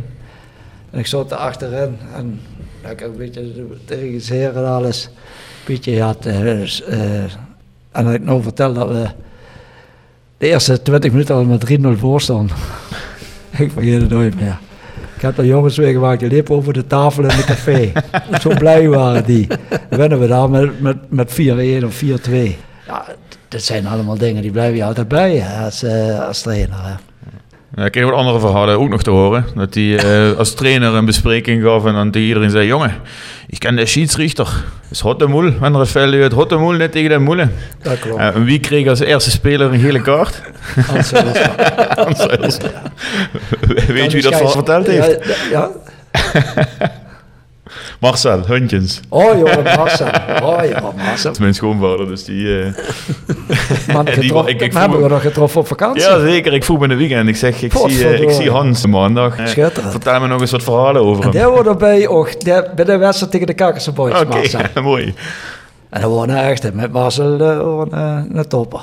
Zeker op dat niveau worden eigen uh, bank. Ah, cool. kijk eens aan. Maar ja, dat verhaal met, Ma eh, met Marcel uh, wil ik ook nog even vertellen. Dus ik ga op vakantie uh, af. Maar je, je moet wel ontschakelen op Nederlands, Hans. september op vakantie en op een gegeven moment... ik kom de trappen naar boven. Ik ga, ik ga naar mijn kamer toe. En dan kom kijk zo, twee man de trappen af. En dan staat Marcel Heuntjes met zijn vrouw. Ik zeg, ik sta te kijken. Dat kan het niet, hè. ja, die, die wisten wel dat jullie dat waren van tevoren, nee, maar andersom. wisten we, wisten we niet. Nee, u, jij, jij wist dat niet, nee, maar zij wisten dat wel. Och, dat weet maar waar waren jullie dan vakantie? Was dat ver weg of zo? Spanje, Spanje. Zo. Ja, dat is natuurlijk ook bizar, hè? Dat je dan net tegelijkertijd bent, natuurlijk. Hè? Ja. ja was hij zelf dus gewoon voordat hij tegen me zei: Het tele stond uh, Zuidersma ook erin in die wedstrijd. Ik heb geen idee, ik heb hem niet gezien, ik heb hem niet meer mee. maar dan stonden we op te trappen met Hansen te praten en zo en te komen. Ja, ja. Hartstikke leuke vent is dat. Nou goed.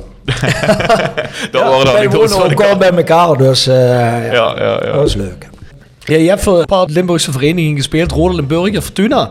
Was het nou in die tijd, toen je bij SVN speelde, was dat nou een droom voor je om voor een van die verenigingen te spelen? Of had je zoiets al, maakt me niet uit ook waar ik terecht kom uh, als ik maar een carrière kan maken? Had je een favoriete club hier waar je bij terecht wilde komen? Nee, ik, uh, mijn idee was gewoon voor, voor, gewoon weer bij SWN te eindigen. Omdat ik daar eh, als jeugdspeler ben begonnen. En dan wou ik ook mijn einde carrière maken toen. Maar je had niet, toen je begon bij SVN, zoiets van ik wil graag naar Roda toe. Of ik, ik wil graag Oh naar jawel, Fortuna. eh, ik bedoel, het zat er toch wel in. Je wilt op betaald voetbal halen. Dus eh, die, die, die instelling die was er.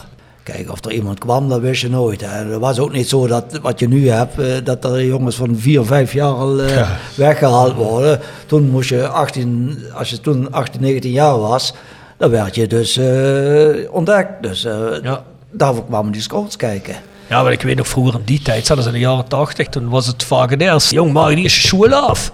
En dat kent zich hoor. Een van mijn neven, die heeft ook voor SVN gevoetbald, die is ook in Nieuwenhagen. Ja. En die werd ook gescout met Roda. Die werd samen met, weet je ook alweer, die eh, jarenlang voor Roda heeft gespeeld in de spits ook van SVN. Frits, nodig. Nee, nee, niet. Jongere jongen. Michel Haan, Eh, was het Michel Haan? Nee, die andere volgens mij. Hoe heet die nou? Langgoor, Smeets.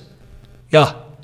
Dinges Smeets, hoe heet die? eh, met de voornaam ook alweer. Eh, Raymond Smeets. Raymond. Raymond Smeets, Van ja. Willem Smeets, ja. Dat is Maar mijn oom zei, nee, nee, eerst studie afmaken en daarna was het voorbij. Dus eh dan is hij niet meer gegaan. Maar dat had je die tijd mijn, vaak, zoon, hè? mijn zoon heeft het zelf meegemaakt. Ja, Ja, Tim heeft ook nog Roda gevoerd natuurlijk. Tim had ook zeker. nog Roda gespeeld. Ja, tot en met Jong ja. Roda, toch?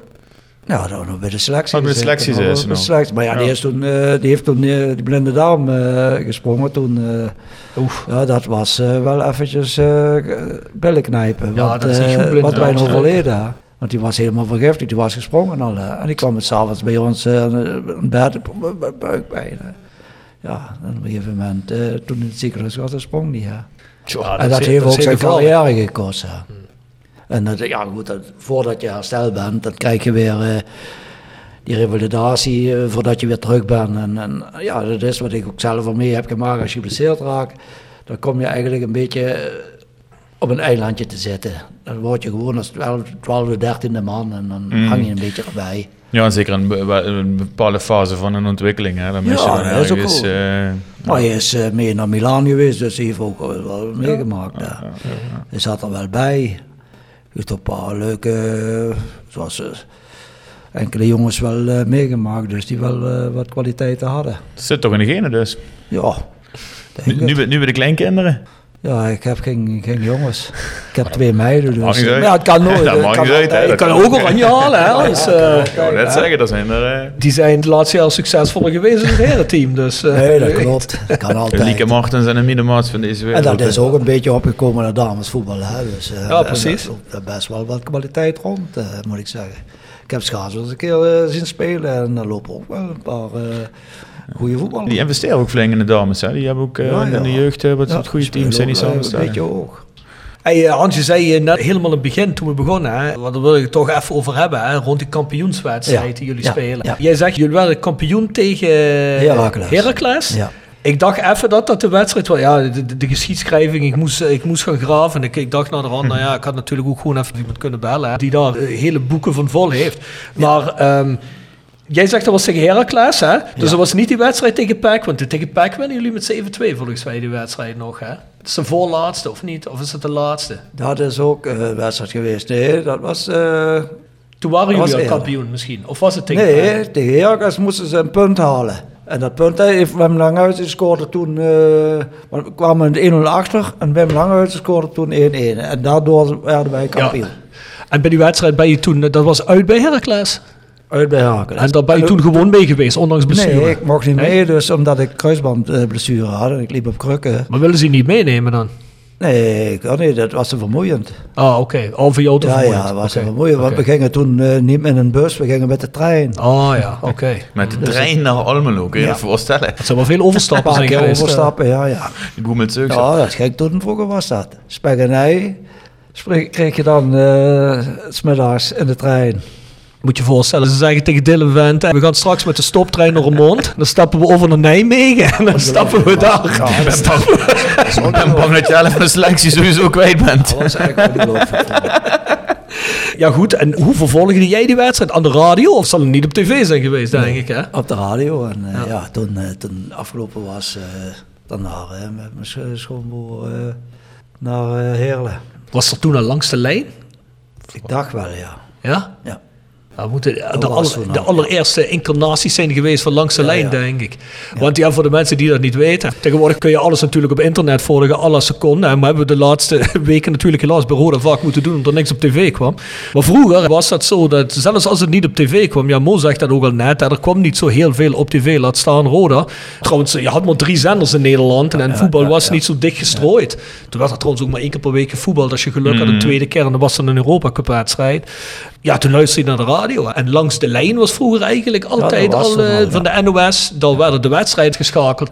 Ja, dat is toen Dat altijd is een van de beste cadeaus die ik ooit gekregen heb van mijn ouders. was een eh, portable radiootje met dopjes. Als ik niet Ja. eh, naar Roda kon of mocht gaan, dan eh, moest je op zijn minst, waar je ook was, op communies, bruiloften, moederdagen, vaderdagen, dus de koptelefoon op hebben om de radio te Ik luisteren. weet nog, over radio gesproken, dat ik, welk jaar was dat ook alweer, weet ik niet meer. Het was ergens in 2004, 5, die laatste dag dat Roda tegen RKC toen, wat was het toen, zelfs Champions League gemist heeft. Uit. Ja.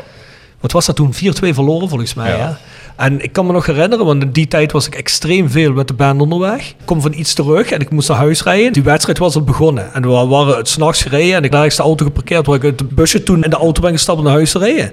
En toen heb ik van, ik geloof dat was toen vanuit Kerkrade of eh, vanuit Heerlen, de hele tijd langs de lijn opgehad. En ik heb hem zo bijgetuned in mijn auto dat ik hem tot in Essen, tot twee straten van mijn huis, dat ik hem net tussen het kraken door nog kon luisteren. En dat ik hem aan de kant moest zetten. En ik ben zelfs omgedraaid 50 meter om hem aan de kant te zetten. Zodat ik net nog het einde van de wedstrijd kon horen. Ja, en natuurlijk een gigantische deceptie. Hè, dat je op de laatste dag dat verspeelt. Maar dat kan me nog herinneren. Dus ook zelfs eh, in de beginjaren van deze eeuw spelen Roda Ja, nog, ja, ja, eh, of eh, radio nog een redelijk belangrijke rol. Maar jij luistert dus naar de radio. Ja. Wat gebeurde er toen, toen je hoorde dat jullie kampioen waren? Ja, we hadden natuurlijk even wachten tot kijken, bellen en eh, natuurlijk even kijken hoe laat dat ze arriveren in Heerlen. Dus ja, goed, toen we daar, naartoe reden, stond er al helemaal zwaar van de mensen daar in Heerlen. Dus er kwamen alles open auto's, allemaal van die grote sleeën allemaal. Nick Heuts, allemaal, ik ken er verschillende. Ja, dan moesten alle spelers eh, in die open auto's. Ik heb er zelf ook op gezeten dus. En toen eh, over de Karl-Heidersteenweg naar het centrum in Kerkrade. Ja, dit was ongelooflijk. Daar stonden dus, eh op de Karl-Heidersteenweg stonden rijen dik van de mensen.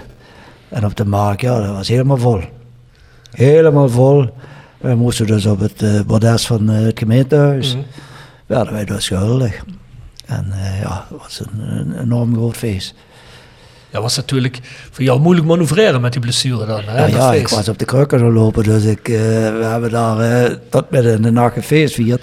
Maar ja, ik moest het maandags naar het ziekenhuis, hè. ik moest geopereerd worden. hè. Maar ja, op het einde van die avond voel je niks meer, denk ik. Nee, ik was nog een beetje verdoofd, dus eh, maar ik, liep, want ik vergeet nooit, ik, eh, ik liep op de krukken en op een gegeven moment eh, was er een rooster. En dan zakte ik ook nog met die kruk door zo'n roostertje. ja.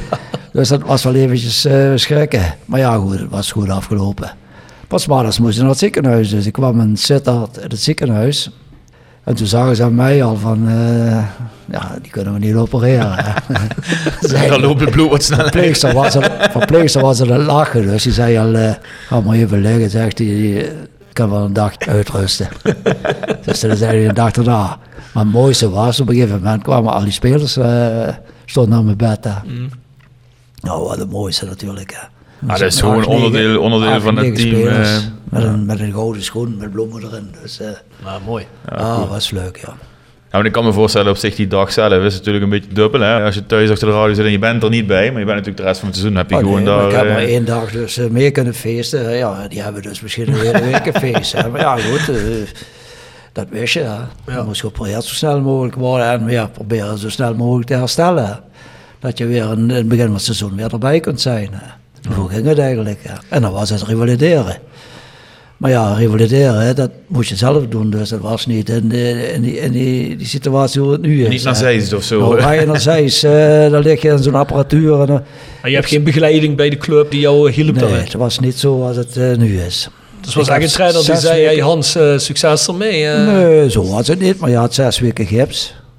En als je uit dat gips komt, dan heb je zo'n beentje, hè, bovenbeen. En eh die kraag is weg, hè. En dan moet je oefenen. Ik zat thuis, zat ik in de tuin en, eh, met een, met een eh, fietsenband. En maar oefenen, hè. Op mijn nek en maar oefenen. Alleen maar zorgen dat, dat, dat, dat bovenbeenspieren weer normaal werden. Ja, en dan wist je wat er gebeurde weer. En dan heb je toch veel ja, pijn gehad en toch wel kijken dat je, dat je weer zorgt dat je weer fit wordt. En krachttraining, hè? en dat moest je allemaal zelf doen. Ja, ook bij Rode werd wel wat gedaan, maar ja, een beetje masseren en wat, wat bewegen. Maar Niet echt specialisten niet of zo die jou daarin nee, begeleiden en de nee, nee. schema's maakten. En, eh, Alles zelf. Het horen jullie goed hè mensen. Geen fitnesscentrumpje en geen krachthonk, maar gewoon met de fietsband in de achtertuin. ook, ja. Dus eh, zo ging dat vroeger. Hey, maar voor we verder gaan. The Sound of Calhei. Gepresenteerd door www.gsrmusic.com. Voor muziek en exclusieve merch van Born From Pain, Madball, Death Before Dishonor, Archangel en nog veel meer. Ga naar www.gsrmusic.com. Tevens worden we gesteund door PC Data Logistics Automation. De partner voor leveren, installeren en onderhouden van geautomatiseerde ordeelverzamelsystemen. Zowel lokaal in kerkraden als globaal over heel de wereld. Ook worden we gesteund door Willeweber Keukens. Wil jij graag kwaliteitskeukendesign dat ook bij jouw beurs past? Ga dan naar Willeweber Keukens in de Boebegraaf 1 te Schinveld. Hans, we hebben ook een rubriek die heet The Sound of Calais. En The Sound of Calais, dat is een muziekplaylist die we hebben op, op Spotify. Ja, daar zetten we altijd een favoriete song van onze gast. Dus eh, heb jij een favoriete song die jij in de playlist wil zetten? Favoriete song? Ja. Waar luister je kan graag alles zijn. We hebben van André Hazes tot metal, Ik van reggae van tot Frans van. Bauer eh, heb ik ook wel vaak. eh, Ja, Frans Bauer? ja. En welke song van Frans Bauer? Eh, even kijken. Zullen we er gewoon eentje pakken? ja, pak maar. Pakken we er eentje van Frans Bauer. Ik vind ze wel allemaal een beetje... beetje oh, ik vind het wel best Je bent wel fan? Ja. Ah, mooi. Goed. Ja, luister, als André Hazes in staat, kan ook Frans Bauer erin Ja, staan, toch? ook, ja. Zeker. hè? Het Nederlandse lied is sowieso goed vertegenwoordigd in die playlist. Je zou ervan versteld staan hoeveel van die jonge jongens nog naar muziek luisteren. Waarvan je denkt, ja, dat luistert toch eigenlijk alleen maar gasten wat ouder zijn heen. Dus dat valt best wel mee. Vooral als het om het Nederlandse lied gaat. Ja. Ja, nee, ik heb... eh, ik hoor eh, iedere muziek graag. Dus ook een beetje van, eh, van de nieuwe muziek ook. Dat hou ik ook wel van. Je zit ook, dat wel, zijn je best zit ook wel wel in de techno, jij. Je zit ook wel in de techno. Nee, maar ik hou wel een beetje van muziek, ja. Zo, een beetje. Ik zou hem geen cd van Born From Pain Nee, dat lijkt me, dat lijkt me misschien iets te veel van het goede. Dat is misschien iets te veel van het goede. Nee, maar zeker. Frans Bauer zetten we erbij. Ja. Hans, wat was dan mooier? Promoveren met Roda of met Fortuna? Ja, ik denk dat, dat, dat het mooie was wel rode de eerste keer. Hè. Dus eh, dat, dat is wel leuk. Kijk, dat had je al meegemaakt. Bij Fortuna wist je al, ben je al eens een keer kampioen geworden. Maar kijk, bij Roda zijn we kampioen geworden, maar bij Fortuna zijn we gepromoveerd. Hè. Dan zijn we niet kampioen geworden. Ja, ja. Ja, dat is het Ja, verschil. ja. En dat is wel, eh, ja, blijft Roda toch wel eh, de mooiste, vind ik. Is het dan omdat het de eerste keer is? Of is het dan ook omdat je bij Roda eigenlijk helemaal aan het begin van je profcarrière samen heeft gestaan met de Burger? Dat je daar misschien toch dan iets meer gevoel bij hebt? Of is het gewoon puur omdat het de eerste keer was? Ja, ik denk dat het puur de eerste keer is. Want kijk, je wordt kampioen en je ziet wat daar eh, wat bij die mensen en de supporters loskomt. Dat is gewoon ongelooflijk. En als je dan ziet wat op de markt staat, eh, langs de weg staat, eh, als je dan aankomt. Ja, dit, dit, dit kun je gewoon niet indenken. Ik ben 21 jaar of 22 jaar en je, je, je ziet dat allemaal.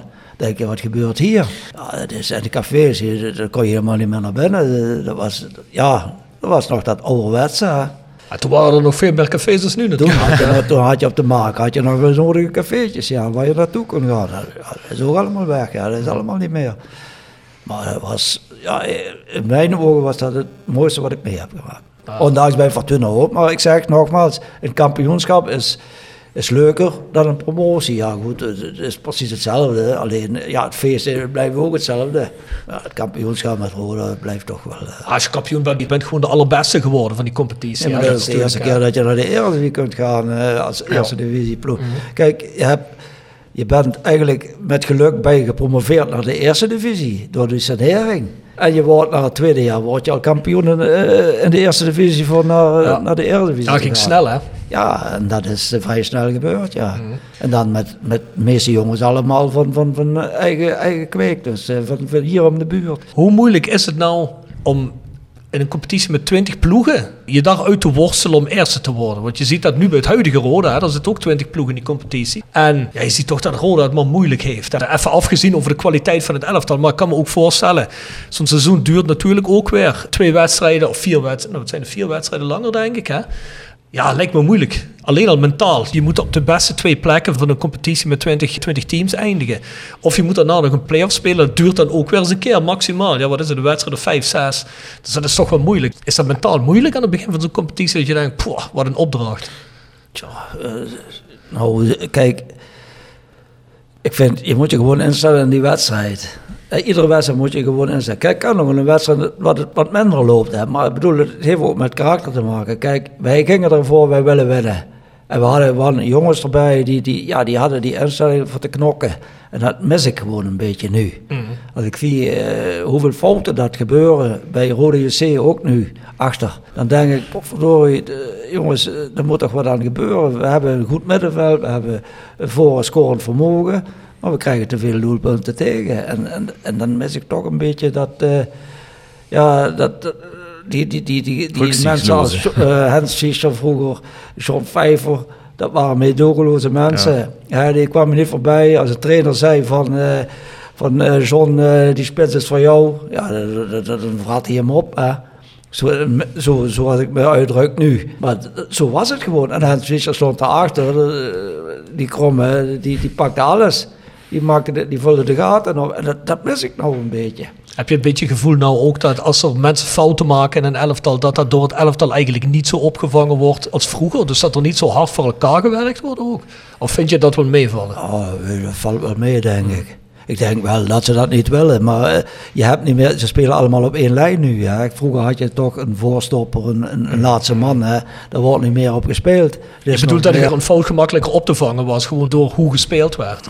Ja, ik denk het wel. Ja, en met opkomende backs natuurlijk. Kijk, ik denk dat, je ook, ja, dat is ook vaak uh, het probleem. Dus het, er vallen ook veel mensen dan weg dat het niet overgenomen wordt. Kijk, vroeger had je gewoon twee backs, die bleven ook back staan. Ja. En uh, ja, zo was het. Ja, en af en toe mochten ze eens een keer mee.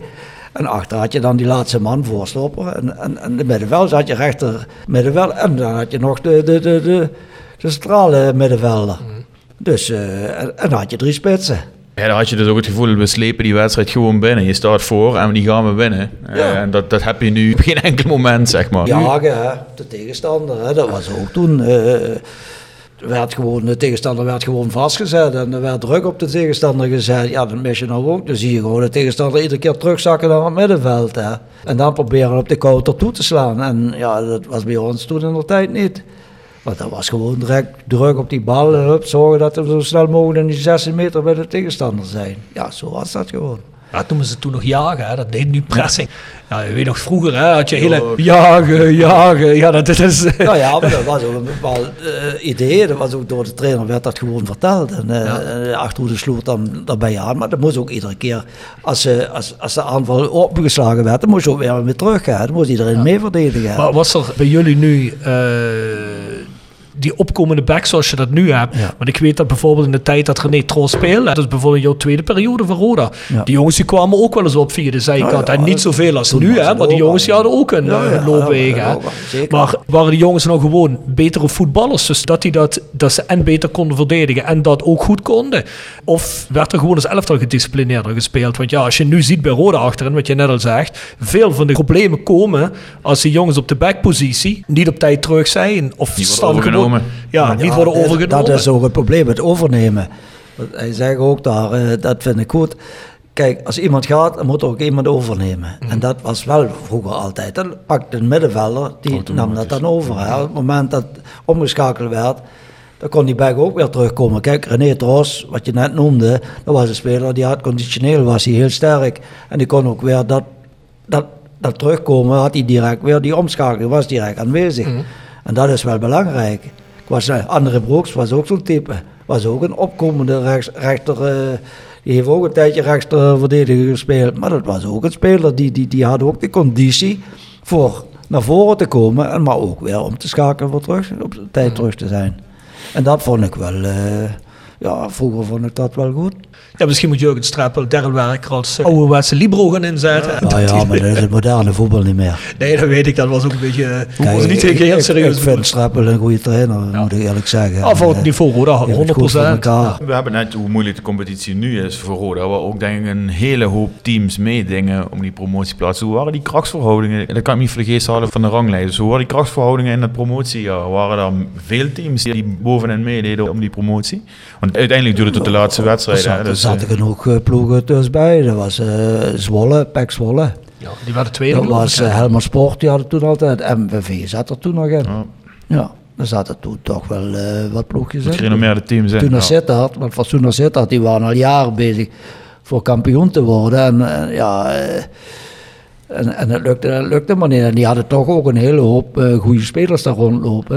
Huub Stevens, noem maar op. En, en, en, en, en die kwamen altijd tekort. Als ze naar, naar Kerkrade kwamen, kregen ze klopt. Dat was gewoon. En ook uh, bij Fortuna hadden we zes punten gehaald toen dat kampioensjaar. En dat zat Fortuna ook niet lekker. Vier, maar... nee, maar dat, dat zat Excelsior. ja, ja, Haarlem, maar Haarlem zat er toen nog in met, oh, met, met, uh, met goede spelers. Uh, FC Amsterdam zat er toen nog in. Ja, er zat toch wel wat kwaliteit.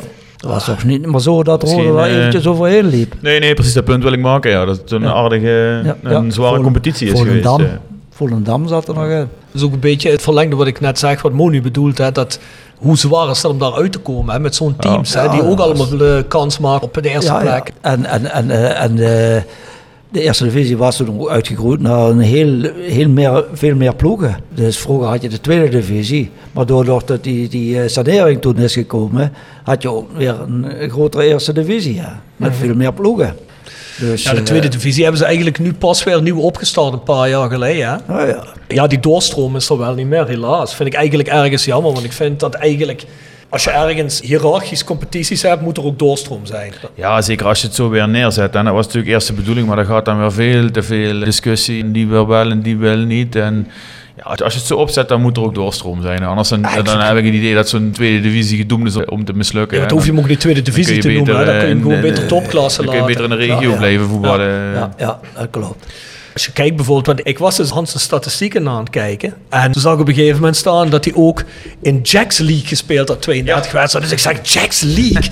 What the fuck is Jacks League? Maar daar kwam ik dus later achter, dat blijkt dus nu net zoals de keukenkampioen divisie de eerste divisie is, is de tweede divisie dus vandaag de dag officieel Jacks League. En ik weet niet wat Jack is, dat een casino? Jacks Casino? Daar heb ik nooit van gehoord van de Jacks League, maar de tweede divisie wel. Want zag je staan Jacks League 32 wedstrijden. Ik denk...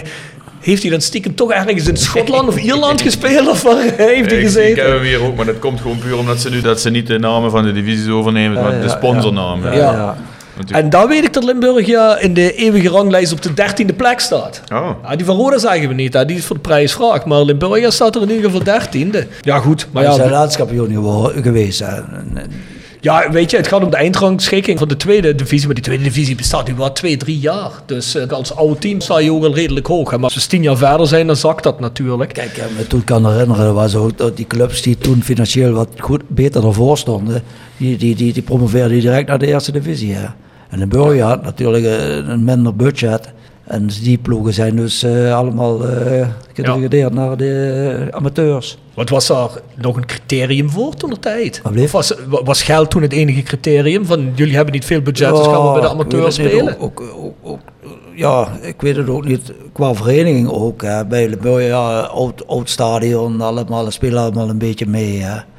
Kijk, Roda had toch wel, uh, het stadion bij Roda was toen toch wel eerste divisie waardig, vond ik. De mensen toen in de tijd, die, die, die, die stadions had je bijna overal. Hè.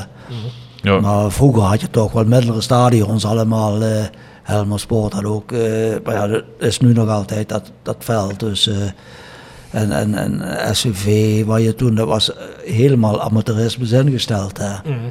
Limburg had dat ook. Ja. hadden wel een tribune, maar was niet dat je zegt van... Uh, hadden een goed veldje, moet ik wel zeggen. Maar eromheen was het uh, eigenlijk uh, oud. En dat heeft ook allemaal een beetje, beetje mee te maken, denk ja. ik. Ja, nou, dat denk ik ook. Hey, voordat we verder gaan, een rubriek doen. Section Frietenboot. Gepresenteerd door Herberg de Bernardeshoeve. Weekendje weg in eigen streek? Boek een appartementje en ga heerlijk eten met fantastisch uitzicht in het prachtige Mingersborg bij Marco van Hoogdalem en zijn vrouw Danny. www.bernardeshoeven.nl En Stok Grondverzet uit Simpelveld. Voor al uw graafwerk, van klein tot groot. Onze gravels staan voor u klaar. Tevens worden we gesteund door Wiert's Company. Ben je op zoek naar extra personeel? Contacteer Wiert's Company in het PLS en vraag naar Sean, Mark of Paul. Of ga naar www.wiertz.com. Section frietenboet. we vragen altijd onze gasten naar zijn favoriete frituursnack. Ik heb wel eens een frituur, Hans. Huppie Smits. en nu we, we, ja, ja. En dat is laat, ja, er zit nou een nieuwe in, maar dat was uh, frituur, ja. Vroeger was het Lurk en Kerkrade. En uh, wat had je daar? zijn vader. En wat had je daar? Behalve friet. Oeh. De favoriete snack. Uh, even kijken, frikandel speciaal. Frikandel speciaal? Ja. Zeker. Goeie ouderwetse frikandel speciaal. Lekker man. Gelukkig niet Mexicano. of de Sputnik, wat was het? Nee, dat wordt er nog net. Nee, Mexicanos had je was niet. toen nog niet. Ik kan me nog herinneren dat dat allemaal kwam. Oh, joh, ik klink ook al oud. Ik heb het begin meegemaakt van, van meer televisiezenders als drie in Nederland. Ik heb nog testbeeld meegemaakt, dus geen tv na 12 uur of 1 uur meer.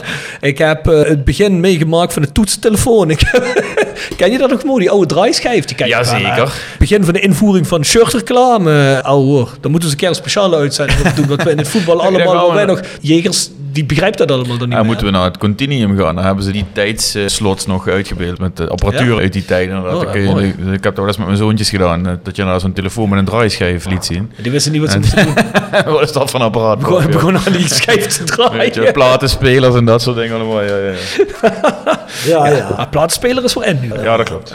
Ja, dat laatste seizoen dat je bij Roda zei, 83, 84, hè. Ja. En zag je net zelf al, je kende ook een hoop van die jongens, hè, maar je komt in een elftal terecht, wat voor mij nog altijd een van de mooiste Roda-elftallen is, hè, met Leo Elen, John Eriksen, Troost, Hansen van Geel, Hofman, en dat is toch een het kl- Ja. klinkende naam, hè. Ja. Ja, eigenlijk een elftal, wat voor mijn gevoel nooit zo'n volledige potentie, ja, moet je dat zeggen? In het Duits zeggen ze Die wordt niet heeft, hè. waargemaakt, wat, ja, eh, ja, wat de belofte inhield. Want het was toch echt een heel goed elftal. Jij kwam nog van Fortuna. Die zegt zelf, je had in het laatste jaar 14 goals gemaakt. Dus je kwam ook met een goed resume binnen. Ja, raakte natuurlijk ook geblesseerd toen. Hè. Maar jullie eindigen dat seizoen negende. Ja. Ja, hoe was dat seizoen? Had je, heb je daar nog een herinnering van? Hadden jullie toen meer verdiend eigenlijk? Had er meer ingezeten? Ja, we, hadden toen een heel goed seizoen. We hebben heel lang eh, ook nog op de vierde plaats gestaan. Dus we waren heel een tijdje ongeslagen eigenlijk. Ja, en eh, toen krijg je eigenlijk een beetje de, de, de, de sterke tegenstanders later, zoals Ajax en Feyenoord. Ja, goed, daar had je een beetje het pech dat je dan met 1-0 of 2-0 eh, verloor. Maar voor de rest hebben we toen een heel goed seizoen gedraaid. Maar het was in die tijd wel, dat kan ik me nog herinneren. Want dat was in de tijd dat ik langzaam alleen naar Roda begon te gaan. En met vrienden naar Roda begon te gaan. Vriendjes toen de tijd. Hè, een jaar of 12, 13, 14. Ja, ik, ik had ook het gevoel trouwens vroeger dat je met 12 ging je dingen doen. Dan laat je nu je kinderen niet meer doen. Eh, is er een van jouw jongens al 12? Die is Oh. 12 en die gaat nog niet alleen naar Roda. Het begint wel langzaam dat, dat sommige vriendjes doen. Dus- te krijgen. Ja, die gaat, hij gaat wel met mij, hij gaat met mij mee. Maar, Maar vindt pap het oké als hij alleen zo gaat met de jongens? Of het is zoiets van, eh, blijf maar nog een paar jaar bij mij. nou ja, niet altijd. Ik bedoel, Ik kreeg vanuit Schaarsberg op het fietsje naar Kalheide. En ja, maar dat ben jij vroeger, hè? Ja, dat is precies. anders, ja, en, en ik daar- ga je er niet ik denk- meteen. En nu, als hij van nu van mij uit van Spekkels rijden naar het stadion moet rijden, nu kan dat. Maar dan fiets ook naar school. Maar een jaar geleden dacht je nog van, no way. eh. Ja. Ik denk wel dat het nu een, een stuk gevaarlijker is als in mijn tijd toen. Toen was het supportersgeweld was toen niet zo erg. Ik denk dat het qua bij Roda wel meevalt. Ja, dat is nu Valt niet zo erg mee. als dat het was in de jaren negentig, eh, ja, denk ja. ik. Ik kan me nog herinneren dat vroeger als Feyenoord kwam, dan zat onder de lichtkrant zat Ja, het dat helemaal is vol. altijd een beetje geweest. Zat die hele, zat die hele dinges vol, ja, en dan hield je je bek dicht. Ja, Ja, dat is zo. Ik denk ook dat de hele maatschappij een stuk beschermender is, eh, is geworden. Ja. Dus, ja, en ook van de andere kant, hè, ik moet heel eerlijk zeggen, toen ik heel, heel klein was, ik ben van 71, ik groei je op in een tijd, en dat zal Hans ook wel heel anders meegemaakt hebben in de jaren 50. De, de maatschappij was ook, ondanks eh, dat er net een wereldoorlog voorbij was, was de maatschappij toch een beetje onschuldiger, had ik het gevoel. Hè. Dit was nog niet zo... het is nu zo hard en emotioneel koud ook soms. Hè. Er, er gebeuren de gekste dingen, die kon je vroeger niet voorstellen. Ja, ja. Dus, Nee, wat eh, ik nou ook zie, dat is... eh, kijk, wij lagen de hele dag op de straten. Ja, We deden straatvoetbal. Eh, het kon toen ook, het was het verkeer niet zo druk. Eh, in mijn tijd toen ik klein was, dus we deden één, tweetjes met de stoeprand. Eh, Zo'n dingetje dat we maken met de jas, maken we een doel. Ja, dat kon. En als de bus kwam, eh, was alleen de bus die meestal langs kwam in de straat. Dan pakte even de, de, de jas op en uh, hop, daarna als de bus weg was, dan ging je weer verder. Ja, dat kon toen. Dat dat is nou allemaal onmogelijk. Omdat het verkeer veel drukker is. Maar dit mis ik ook een beetje. Wij hadden, waar ik nou woon, nou, weet de schoonvader woont. Ja, een voetbalveldje. hè. S'morgens waren we met, de- met, met, met de buurt daar het voetballen. hè. Nou zie je niks Dat zie je meer, niemand meer. Ja, nee. Ik, neem mijn zo, ik neem mijn zoontjes af en toe mee om Niks. balletjes Dat te is trappen al- als ze er zijn. Dat is allemaal niet meer. De interesse is veel minder geworden. Ja, ja het is ook eh, hè, mobiele telefoons, videospelletjes, Ja, hè, dat dat houdt de kinderen binnen, helaas. Andere sporten, allerlei dingen. ja. Dat is allemaal eh, minder geworden. En Ja. wij, wij, wij, ja goed, wij, wij, wij deden tikkertje, ja vroeger in onze tijd, verstoppertje, dat deden wij allemaal. Hè. Dat is als je dat nou vertelt, dan, ja... Wij hadden geen telefoon en wij konden dat niet. We hadden nog geen huistelefoon toen in de Nee. tijd. Ja, dat is allemaal, het is allemaal veranderd en verbeterd, vind ik. Ja. Maar ik ben blij dat ik het mee kan maken en dat ik meegemaakt heb. Ja, zeker weten. En dat ik die, die, die, die vroegere tijd mee heb gemaakt, en wat ik nu dan eh, zie, ja goed, dan eh, denk je toch van, poeh, wat is het veranderd. Hè. En het wordt Dus kijken maar hoe het in erger. 20 jaar is, hè. Oh ja, Wat, wat er dan misschien wel allemaal niet... eh, dat hopen we dan niet dat het erger wordt. Hè, want het is nee, niet erger, maar qua ontwikkeling, technologisch en zo, hè. Dus eh, dat je dan heen gaat, hè. Alles wordt wel beter, dus dat is ook wel goed. Hey Hans, dan is je, je actieve carrière afgelopen. Blijf je gewoon dingen doen, amateurvoetbal. Ben je toen nog betrokken geweest bij Roda? Of ging je er nog wel eens naartoe? Kom je nu nog bij Roda? Eh, jawel, ja, ik ben nog wel eh, betrokken geweest bij Roda, maar de laatste tijd eh, wat minder. Wat heb je nog bij Roda gedaan? Of, of Nee, komen kijken? niks, of, niks eh, gedaan, maar gewoon eh, als supporter. Dus eh, we hadden dus een vrije kaart, hadden wij dus. We kregen een seizoenskaart. Was altijd gezellig, moet ik zeggen. Maar met oudspelers bij elkaar. En dat mis ik nou wel een beetje, omdat dat, eh, ja, we mogen niet meer in de business seats. Dat was toen wel. Ja, er kwamen eh, Johan Toonstra, eh, alle oudspelers kwamen daar bij elkaar. Ja, de supporters vonden dat hartstikke leuk. Ook de, de sponsors. allemaal. Zeggen. Ja, Dat is die elke vonden keer dat- hetzelfde. vonden dat geweldig. Dat is toch wat je wil, hè. En eh, ja, dat is, ik vind dat dat hoort gewoon. Ben nog laatst zijn we uitgenodigd. Jo Bucks heeft dat een beetje aangekaart bij Fortuna. Dan zijn we bij Fortuna eh, met, met de dames geweest in de business seats. Ja, dat was geweldig. De- tegen, tegen PSV die wedstrijd. Ja, zo gezellig. Oudspelers kwamen daar bij elkaar die je al 30 jaar niet meer gezien had. Ja, dit was het mooiste wat je kunt hebben. En, en, dat moet er gewoon... Ik vind, oudspelers horen gewoon bij een club 100%. aanwezig te zijn. Weer een van de dingen die, en volgens mij hebben jullie al met Jordan Peters erover gehad, maar dat moet toch zo snel mogelijk weer geregeld worden. Ook als wij in de businessclub zijn. We zijn en blijven kleine jongetjes als het om Roda gaat. En dan wil je gewoon met oudspelers Ja, eh eh, eh, ouwehoeren. En oudspelers vinden het ook hartstikke fijn om daar Ja, eh, is ook zo. eh, Nee, dat vinden ze ook. En daarin zijn oudspelers denk ik ook. Je moet maar zeggen of het niet klopt, Hans. Maar volgens mij is dat gewoon als je één keer bij zo'n club hebt gezeten en het is een deel van je geworden, dan wil je er ook gewoon graag bij horen. Ja, logisch. Maar, en maar ook een stukje waardering krijgen. hè. Ja, natuurlijk. ja, natuurlijk. ook. Je bent het levende cultuurgoed van een club. Hè? ja, maar ja. gelukkig hebben we nu een algemeen directeur die daar ook volmondig de podcast bij ons zegt. Ja, vind ik super belangrijk. En inmiddels is er ook contact met de nodige jongens. Noem een de Shea, noem een Gerry Zende en wellicht nog wat andere jongens. Super, ja. En eh, hij Ja, wil die ik doe dat. Ja, dat hij, klopt. hij wil die contacten weer aanhalen. Hè. Op een gegeven moment zal er, zullen wel eh, jongens worden uitgenodigd. En te kijken hoe dat allemaal weer op een bepaald niveau gebracht kan worden. Dat daar iedereen zich ook weer in gekend voelt. Ja. Maar ja, het is natuurlijk ook een groot voordeel dat je nu een AD hebt. Die, die zelf een oudspeler is. is. Ja. hè, en die, die dat heel goed begrijpt. Die zelf ook bij Den Bosch is. en wel een twee eh, terug wil komen en op die precies. manier eh, behandeld wil worden. Ja, en die daar ook een waarde in ziet, wat jij net zei Hans. Net dat je op business moet rondlopen en niet ergens anders, omdat je ook van waarde bent. En dat sponsoren zeggen, ah, daar komen we graag, komen Hans Zuiders maar tegen, daar komen Jan Hansen tegen, daar komen we weet ik veel wie allemaal tegen. Daar wil je heen, dat is net dat beetje extra wat je ook wil. Hè? Dus, ja, dat eh, is ook zo. Kijk, maar als, als het te lang gaat duren en die band, die spelers komen niet meer, dan, dan, dan valt die band weg. En dan krijgen ze het niet meer. Dan komen ze niet meer. Kijk, eh, en dat, is weer, dat zijn er weer te veel jaren geweest dat het eigenlijk voorbij is gegaan. Jan Hansen heeft er geen zin meer in. Ja, dat, zijn, dat zijn toch iconen bij, bij Roda. Ik bedoel, eh, dat zijn toch mensen die, die, die, die heb je nodig in, eh, eh, bij een club. Nou. En dat is belangrijk, vind ik weer. Ja, tuurlijk, 100%.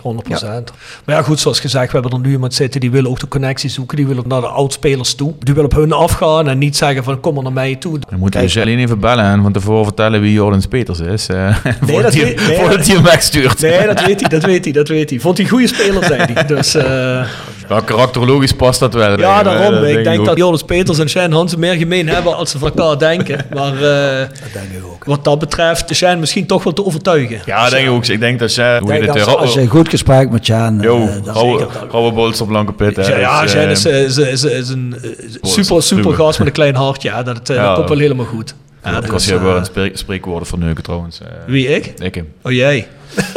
Never mind. Ja, mooi. Potverdomme nog aan toe. Hey, we gaan langzamerhand naar het einde toe. Heel even over het huidige Roda. Hans, we hebben er net een klein beetje iets over gezegd. Sportief heb je er net al eh, iets over, verteld. Je zegt net, eh, we hebben goed middenveld. eh, we hebben in principe scorend vermogen. Achterhoede is niet zo denderend, zeg je. Of dat, dat, dat laat ze veel steken vallen. Hoe vind jij, of heb je er een zicht op? Wat is jouw indruk van hoe het organisatorisch tegenwoordig in elkaar zit? Want we hebben natuurlijk een moeilijke periode gehad met allerlei strubbeling. Het schijnt nou een stuk rustiger te zijn. Volgens ons zit er nou een AD die in ieder geval de juiste dingen zegt en de goede ideeën heeft. Ja, Heb, heb jij daar nog een indruk van? Volg jij Roda zeggen- een beetje ook daarin? Ik moet eerlijk zeggen dat, dat, dat Streppel het heel goed voor elkaar heeft op dit moment. En, en ik vind ook dat Roda eh, eigenlijk in de eerste divisie betere voetbal speelt. Qua combinatievoetbal, eh, als je ziet de opbouw. Alleen ja, goed, eh, je maakt twee doelpunten, maar je krijgt er ook weer twee of drie erin. En dat, daar, daar moet wat aan gebeuren, dat het toch verdedigend goed staat. Dat er een, een, een, een keeper staat waar je van op kunt vertrouwen. en ja, dat mis je een beetje. Ik bedoel, eh, ik zeg niet dat de keeper slecht is, want ergens anders heeft hij het wel goed gedaan. Maar Ja, ja. het- misschien heeft hij het vertrouwen niet van, van, van, van de ploeg. Maar hij maakt toch wel wat, wat, wat kleine blundertjes, vind ik gewoon. En ja, goed. eh, eh, toch belangrijke wedstrijden waar je met 2-0 voor staat, zoals tegen AZ. En eh, dan krijg je er weer twee eh, in het potje. Dus ja, dat kost toch wel punten. En ze hadden toch, op dit moment hadden ze wat hoger kunnen staan op de ranglijst dan, dan dat, wat, waar ze nu staan. Ondanks dat ze de scorend vermogen hebben, cre- creëren ontiegelijk veel kansen. En ik vind dat ze gewoon goed voetbal spelen. Ze hanteren niet iedere keer de lange bal. Ze proberen via de, de, de zijkanten en via het middenveld proberen ze toch via de combinatie door te komen. En dat lukt nog vrij aardig. Als je, als je ziet die wedstrijd voor, eh, eh, even kijken, de laatste tegen Dordrecht. Dordrecht, die wedstrijd daarvoor, daar hebben ze toch zoveel kansen gehad tegen MVV. Dat het 7, Ja. 6, 7, Ja. 8 kunnen zijn. Ja, daar hebben ze op één doel gespeeld. Ja. Maar als je dan eh, eventjes niet oplet, dan, dan krijg je ook dat tegendoel. Ja, dus je moet zelfs al- daar, ligt het probleem van. Zelfs al toen je achterkwam, was Ja. er eigenlijk geen vuiltje aan de lucht. Ja, want de kansen niks, eh, helemaal niks. stapelden zich op. hè. En dan Ja. zie je toch dat, dat, dat, dat, ja, dat, ze, dat ze gewoon MVV kunnen, eh, kunnen overbluffen. Hans, als jij bij Roda nog technisch directeur was, en je mag één versterking halen. Welke positie haalde jij dan een versterking? Ja, ik zou toch wel eh, eh, twee goede verdedigers eh, neerzetten. En een goede centrale verdediger. Dus eigenlijk alleen maar in de achterlinie. Ja, die, ja op dat moment nu. eh, maar kijk, eh, je raakt ook wel dadelijk weer wat spelers weg. Je hebt een, bela- een belangrijke speler, vind ik ook eh, centraal in het middenveld. Iemand die, die, die, die, die de lijnen uitzet. En, en dat vind ik dat bij. bij hoe heet die nou, die vaak, die nog de laatste tijd is ingevallen, die speler. Eh, eh, noem even- Emmers. Emmers. Oh, Emmers. Ja, ik was bang dat die uh, ging ja zeggen. ik, ik, ik, ik durfde het nou wel niet te zeggen. dit is wel een, dit vind ik een goede voetballer en die heeft ook wel het inzicht voor, voor, voor iemand voor de goal te zetten. En eh ja, Klaas is me een tijdje goed meegevallen. Maar ik vind, eh, ja, je moet, en een goede spits, die toch eh, de doelpuntjes maken. Ik heb Vente is geen slechte spits, daar gaat het niet om, maar hij mist toch wel eh, de nodige Ja, kantjes. zeker. Kijk, en een makkelijker, eh, zoals het verdedigend eh, Dordrecht doet, ja, dan kun je er wel twee of drie maken. Of is de ketchupfles nou eindelijk los? Ja, die uitspraak van die verslaggever uit Dordrecht bleef in mijn hoofd rond eh, cirkelen. Die En? zei van... eh, ja, ach ja, die hattrick van Vente. Iedereen scoort hier hattricks. dus ik weet niet of dat zo speciaal was. Ja, goed. Maar zaten er toch goed in. Ze zaten er goed in. Ze zaten- Nee, ik, ik hoop En- dat je ik gelijk hebt. Ik denk dat dat voor die jongen op dit moment Ja, gouden ja, ja. is. Want je ziet duidelijk Ja, dat die ja. jongen het grootste probleem mentaal heeft. Die loopt met zijn ziel onder de arm. En hopelijk Ja. Schiet er iets los bij die jongen. Ja. En ik ben be- eh, belangrijk is nou die wedstrijd tegen de Bos. Als je die nou Ja. kunt winnen, dan sta je er Ja, en voor. dat, dat is een beetje wat we te veel gezien hebben. hè. Je komt er weer, je haakt weer aan. Ja, ja. En iedereen denkt, ah, nu zijn we... Ja, nu. ja. En dan als je net die laatste stap om echt aan te haken, Ja. dan ben je er Dan niet. En dat hopen dat dat nu wel eh, gaat gebeuren. Ja, luister, de Voice of Gelijk gaat we live verslaan, dus wellicht dat we hem gaan verliezen. Dus, eh, Ik wil het nog niet zeggen. Alleen daarom moet je die combinatie al veranderen. er werd al een motie op Twitter ingediend tegen ons door vaste luisteraars. Eh was ik heel erg van onder de indruk overigens. maar eh, nee, nee, alle gekheid op het stokje. hey, we hebben één laatste rubriek. Kogels terugkoppen. Gepresenteerd door Van Ooyen Glashandel. Sinds 1937 vervangen en repareren wij al uw glas met veel passie en toewijding. Met 24 uur service. www.vanooyen.com En Quick Consulting. Laat finance waarde toevoegen aan je organisatie. We komen graag met je in gesprek om aan de hand van concrete voorbeelden duidelijk te maken hoe we dit ook binnen jouw onderneming kunnen realiseren. Think win-win, think quick. www.quickconsulting.nl Tevens gesteund door Roda Arctic Front. Kom eens terugkoppen. Dick. Ja, Nee, ja, ja, ja. Ja, ja. Uitspraak van hem natuurlijk. Ja, ter ere van Dick. Maar als je nou iets hebt in je carrière of je leven van je zegt, ah, die kans had ik ook wel willen pakken of dat had ik misschien anders gedaan. Heb je zoiets? Oh, nou, nee. Een kans, kans willen pakken. Ja, misschien dat je een kans had gekregen waar je zegt, nou, ik heb voor iets anders gekozen, maar dat was ook mooi geweest. Nou, nee. Nee? Helemaal niks? Ja, wij hopen met z'n tweeën dat hij had gezegd, ja, ik had misschien die acht jaar bij Fortuna niet moeten doen. ik had misschien die acht jaar bij Fortuna niet moeten doen, maar... eh, Nee, nee, dus bij alles eh, wat ik mee heb gemaakt is eh, leuk ja, geweest. ja, geloof ik. Zeker. Dat is een eh, mooi verhaal. Ja, het is zeker een mooi verhaal. Eindelijk is het mooi om uit een tijd verhalen en anekdotes te krijgen waar we er niet zoveel van voor de microfoon krijgen. Hè? Ja, en ook nog, ook nog speciaal. Dat is dan begin jaren 70, maar ook nog dan terugkomen in de jaren 80. Toch hele verschillende roda's eh, Ja, meegemaakt. heel verschillende dat roda's. is hè. eh, wel heel erg cool. Want in de tijd dat jij bij Fortuna zat, was natuurlijk een beetje de wisseling van de wacht bij Roda. Die hele oude generatie, eh, John Pfeiffers, en Hens Fischers en dergelijke, die hielden op en er kwamen allemaal nieuwe jongens voor terug. Dat was een hele andere Roda natuurlijk. Maar dit, dit ja, was mentaliteit, hè. Ook veel mentaliteit, eh, jongens, hè. ja, Bram ja, Gildeman niet te vergeten ook nog, ja, Bram. ja, Ja, ook nog. Bram, ja. Ja. Nou ja, goed. Dan bedanken we jou, Hans. Ja, het was een mooi verhaal. gedaan. Ik vond het hartstikke leuk, ja. Ja, super. Ja, Wij we vonden het ook we hartstikke hopen je weer te zien in het stadion met, met Ja, oudspelers Ik de hoop dat ook. businessclub. Ik hoop eh. dat ook. Dat, Ja, is zeker. hartstikke leuk. En we moeten er hoogstpersoonlijk voor zorgen dat die band weer helemaal Nee, ik vind dat moet Dat gewoon gebeuren. Dat moet gebeuren. Dat, eh, de- die band die moet er zijn. Er is niks mooiers dan zo spelers bij elkaar. En dat ja, stimuleert ook weer een beetje. ja. Zeker, maar het is ook de ziel van de club. Hè. Als dat erin zit en mensen zien dat die jongens er zijn, die jongens die van een club zijn, die moeten bij die club zitten en dan weet je dat het goed zit. Nee, zo is het ook. En je zegt net, er gaan vaak te veel jaren voorheen. En, en dat geloof ik gedeeltelijk. Maar van de andere kant, als ik zie wat bijvoorbeeld zo'n groep oud-Roda-spelers eh, dan toch nog eh, voor een binding met elkaar heeft. Ook de verschillende generaties. Hè, want wat ik daar zag komen, ook voor mensen die niet voetbalden, die gewoon nog bij Ja, die groep willen zijn. allebei, ja. Om van tevoren of daarna nog een biertje te drinken. Eh, dan weet ik zeker dat heel veel mensen die hier in de buurt wonen nog, of die eens af en toe van verder afkomen.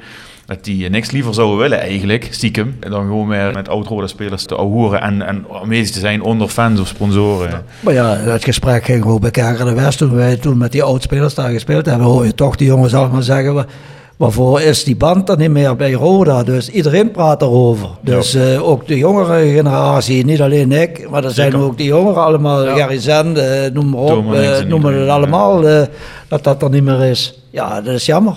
Ja, zoals gezegd, hè. nieuwe AD zegt die band gaat gegarandeerd aangehaald worden. Dus eh, daar gaan we er ook vanuit. Mooi slotakkoord. Yes. De vrienden van de podcast. Yes, oh, dat moeten we nog even doen. Ik moet een lijstje gaan zoeken. Ja, Eh, zoek jij maar eens naar het lijstje. Ondertussen zei ik al Jegers Advocaat, hè. Next door Hair, Nail en Beauty Salon. Hotelrestaurant de Veilerhof. Herberg de Bananenshoeven. Noordwand. www.gsrmusic.com. Stokgrondverzet. Rapi Autodemontage. Van Ooyen Glashandel. Quick Consulting. Wiert's Company. Fando Merchandising. Nederlands Mijnmuseum. Marimi Solar Heerlen. Rode Support. PC Data. Metaalgieterij van Gilst. Willeweber Keukens. En Rode Arctic Front. Rode fans uit. Scandinavië. Precies. Ons e-mailadres is thevoiceofkalei.south16.com. De website is south16.com en als je ons extra wil ondersteunen en extra content wil luisteren, ga naar The Voice op petje.af, schuine streep naar voren, The Voice of Calais. Dat was hem, tot de volgende keer.